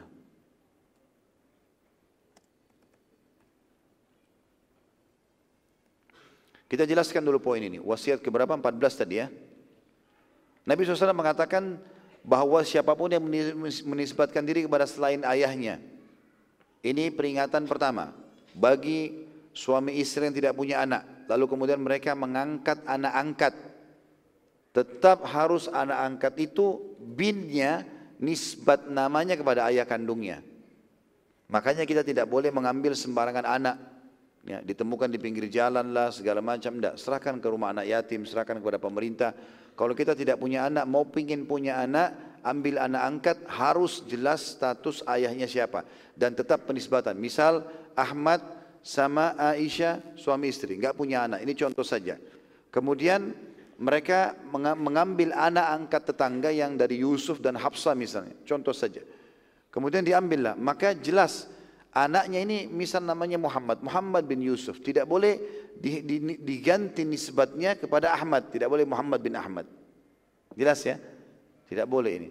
Dan ini pernah subhanallah terjadi ada orang, semoga Allah maafkan. Sudah saya ingatkan, Orang yang sudah meninggal Allah yarham. Sebelum dia meninggal, dia sudah dia kaya raya, masya Allah punya harta banyak. Dia tidak mau, dia tidak punya anak. Allah alam apa sebabnya? Akhirnya dia takut hartanya tidak ke mana-mana, istrinya sama istri, dia sama istrinya sudah tua. Terakhir masih umroh dengan saya. Lalu dia tanya hukum ini, saya jelaskan, tidak boleh. Nisbat nama kepada orang tuanya, nggak boleh sama sekali. Atas setelah meninggal Allah yarham, saya dengar berita, tetap dinisbatkan ke nama dia. Gitu kan? Akhirnya nama KTP, akte lahir, nama paspor semuanya nisbat kepada orang ini. Ya, tidak boleh.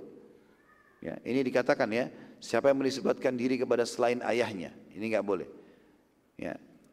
Maka tidak diterima dikena laknat Allah, laknat malaikat, laknat seluruh malam manusia dan tidak diterima amal wajib dan amal sunnahnya. Ini contoh yang pertama orang tua yang mau angkat anak. Yang kedua contoh adalah istri. Nah, terjadi juga di Indonesia ini, ada kasus-kasus itu. Jadi kalau sudah menikah dengan seorang laki-laki, maka kayak sebuah tradisi di sebagian suku kita, yaitu mengganti nama ayahnya menjadi nama suami. Gitu kan? Ini enggak boleh. Nama ayah misalnya Ahmad, nama anak ini Aisyah. Aisyah binti Ahmad. Dia menikah sama Yusuf misalnya. Maka dia mengganti Aisyah Yusuf. Enggak boleh. Ini banyak terjadi kan?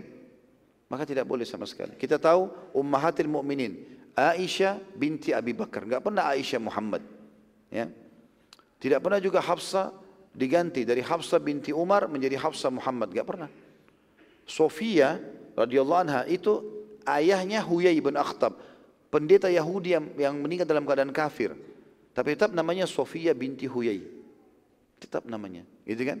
Jadi tidak boleh sama sekali teman-teman penggantian nisbat nama ini. Ya. Kemudian kata Nabi Wasallam, atau budak yang menisbatkan diri bukan kepada pembebasnya atau maula.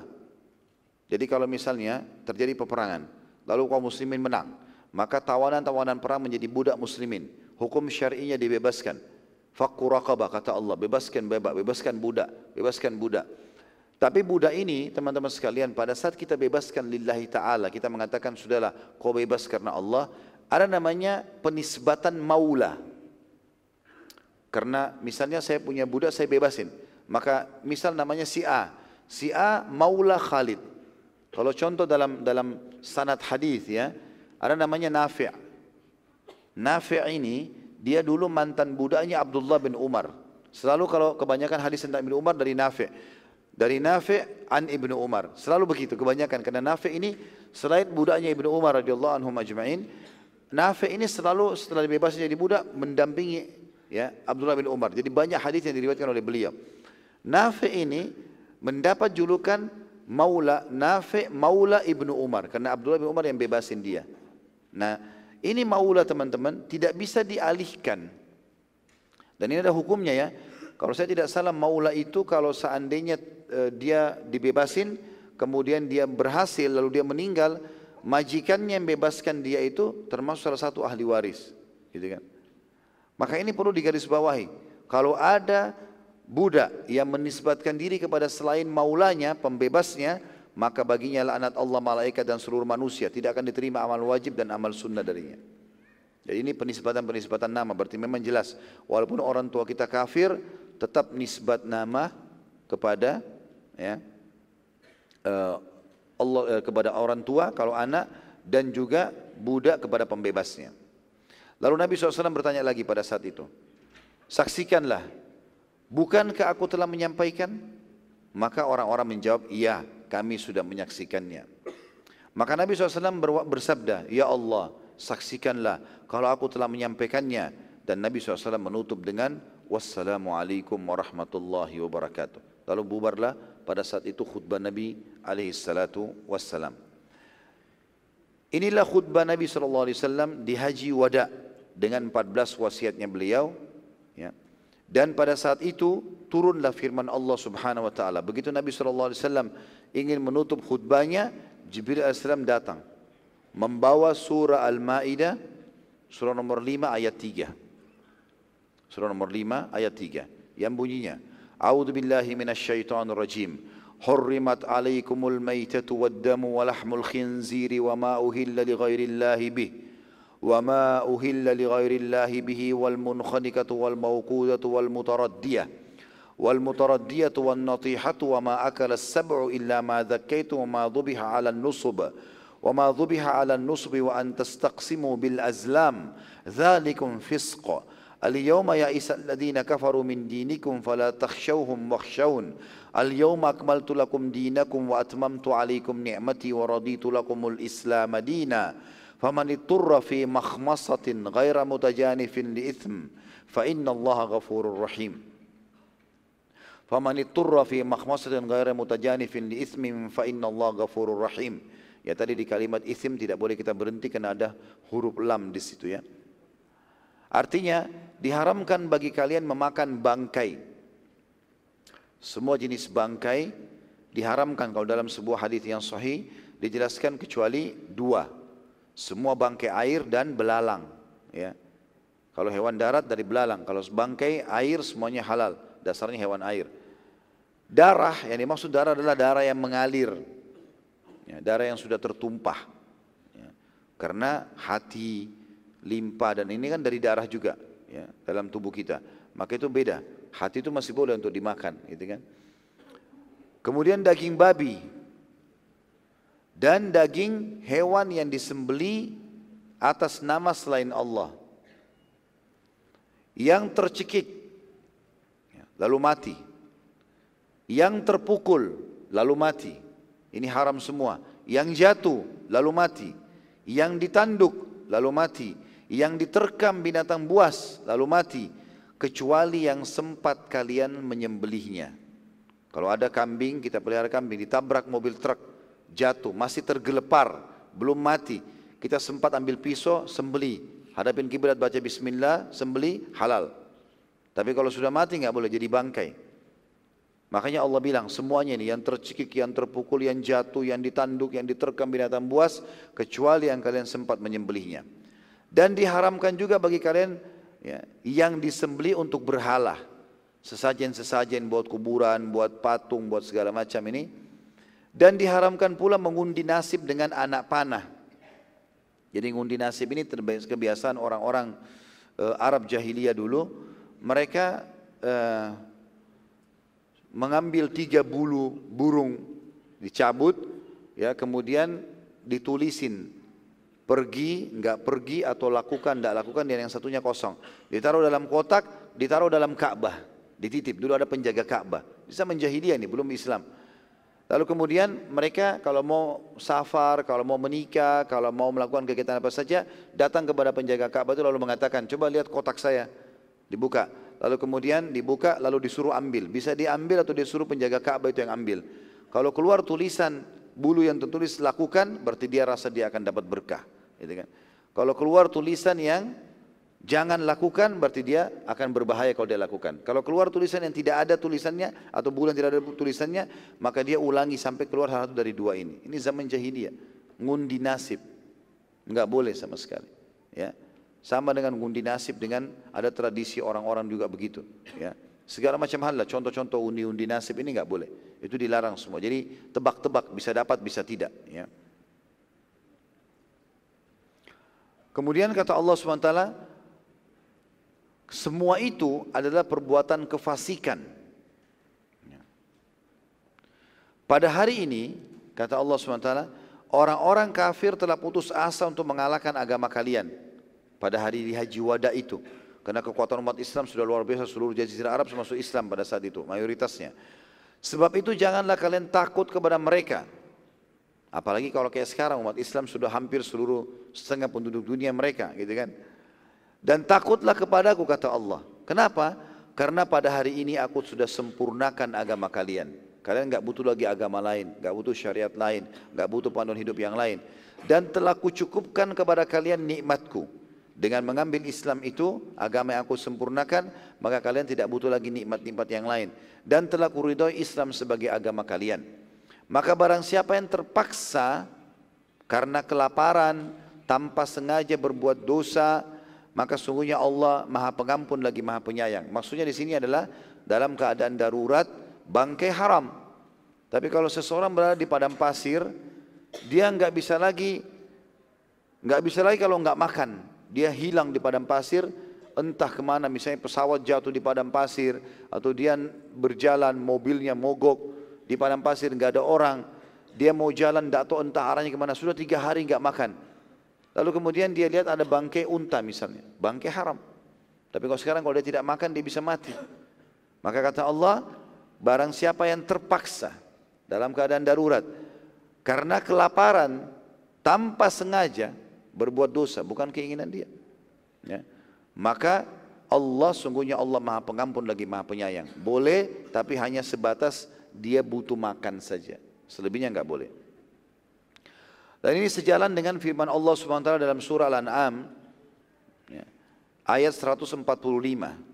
Yang Allah SWT juga menyebutkan Al-An'am 145 A'udzu billahi minasyaitonir rajim Qul la ajidu fima uhiya ilayya muharraman ala ta'imin yat'amuhu illa an yakun illa an yakuna maitatan aw daman masfuhan aw lahma khinzirin fa innahu rijs fa innahu rijsun aw fisqan uhilla li ghairi Allah bih faman ittara ghaira bagin wala adin fa inna rabbaka fa inna rabbaka ghafurur rahim. Katakanlah hai Muhammad tidak pernah atau tidak aku peroleh dalam wahyu yang diwahyukan kepadaku sesuatu yang diharamkan bagi orang yang hendak memakannya kecuali kalau makanan itu bangkai atau darah yang mengalir atau daging babi. Karena sungguhnya semua itu kotor atau binatang yang disembelih atas nama selain Allah. Barang siapa yang dalam keadaan terpaksa sedangkan dia tidak menginginkannya dan tidak pula melampaui batas. Maksudnya dia makan sepotong daging kecil dari bangkai itu supaya dia tidak mati kelaparan. Itu saja, tidak melampaui batas. Jangan oh ini halal nih bangkai satu ekor unta dimakan semua. Ya. Maka sungguhnya Tuhanmu maha pengampun lagi maha penyayang. Setelah turunnya ayat mulia ini yang diwahyukan ya, kepada Nabi SAW dari langit ya, dan inilah wahyu terakhir yang diterima oleh Nabi SAW. Jadi ayat terakhir yang diterima adalah ayat ini Al-Ma'idah ayat 3. Ya, dan sudah pernah saya jelaskan teman-teman sekalian, kalau ada yang bertanya, kenapa kok ayat terakhir turun lalu diletakkan di surah nomor 5, di ayat nomor 3 lagi? Ya karena memang Allah SWT perintahkan seperti itu, seperti surah Al-Alaq atau Iqra' bismillahirrahmanirrahim itu kan diletakkan di juz 30 padahal dia surah yang pertama turun ya, ayat yang pertama ayat, ayat yang pertama turun di lima ayat pertama yang terutama maka itu karena Allah SWT yang memerintahkan Nabi SAW menyuruh meletakkan letakkan ini di surah ini letakkan ini di nomor ayat sekian sampai Al-Quran lengkap seperti kita sekarang. Maka Nabi SAW pada saat itu menyampaikan secara garis besar urusan agama yang banyak dilalaikan oleh ya, oleh umumnya kaum muslimin.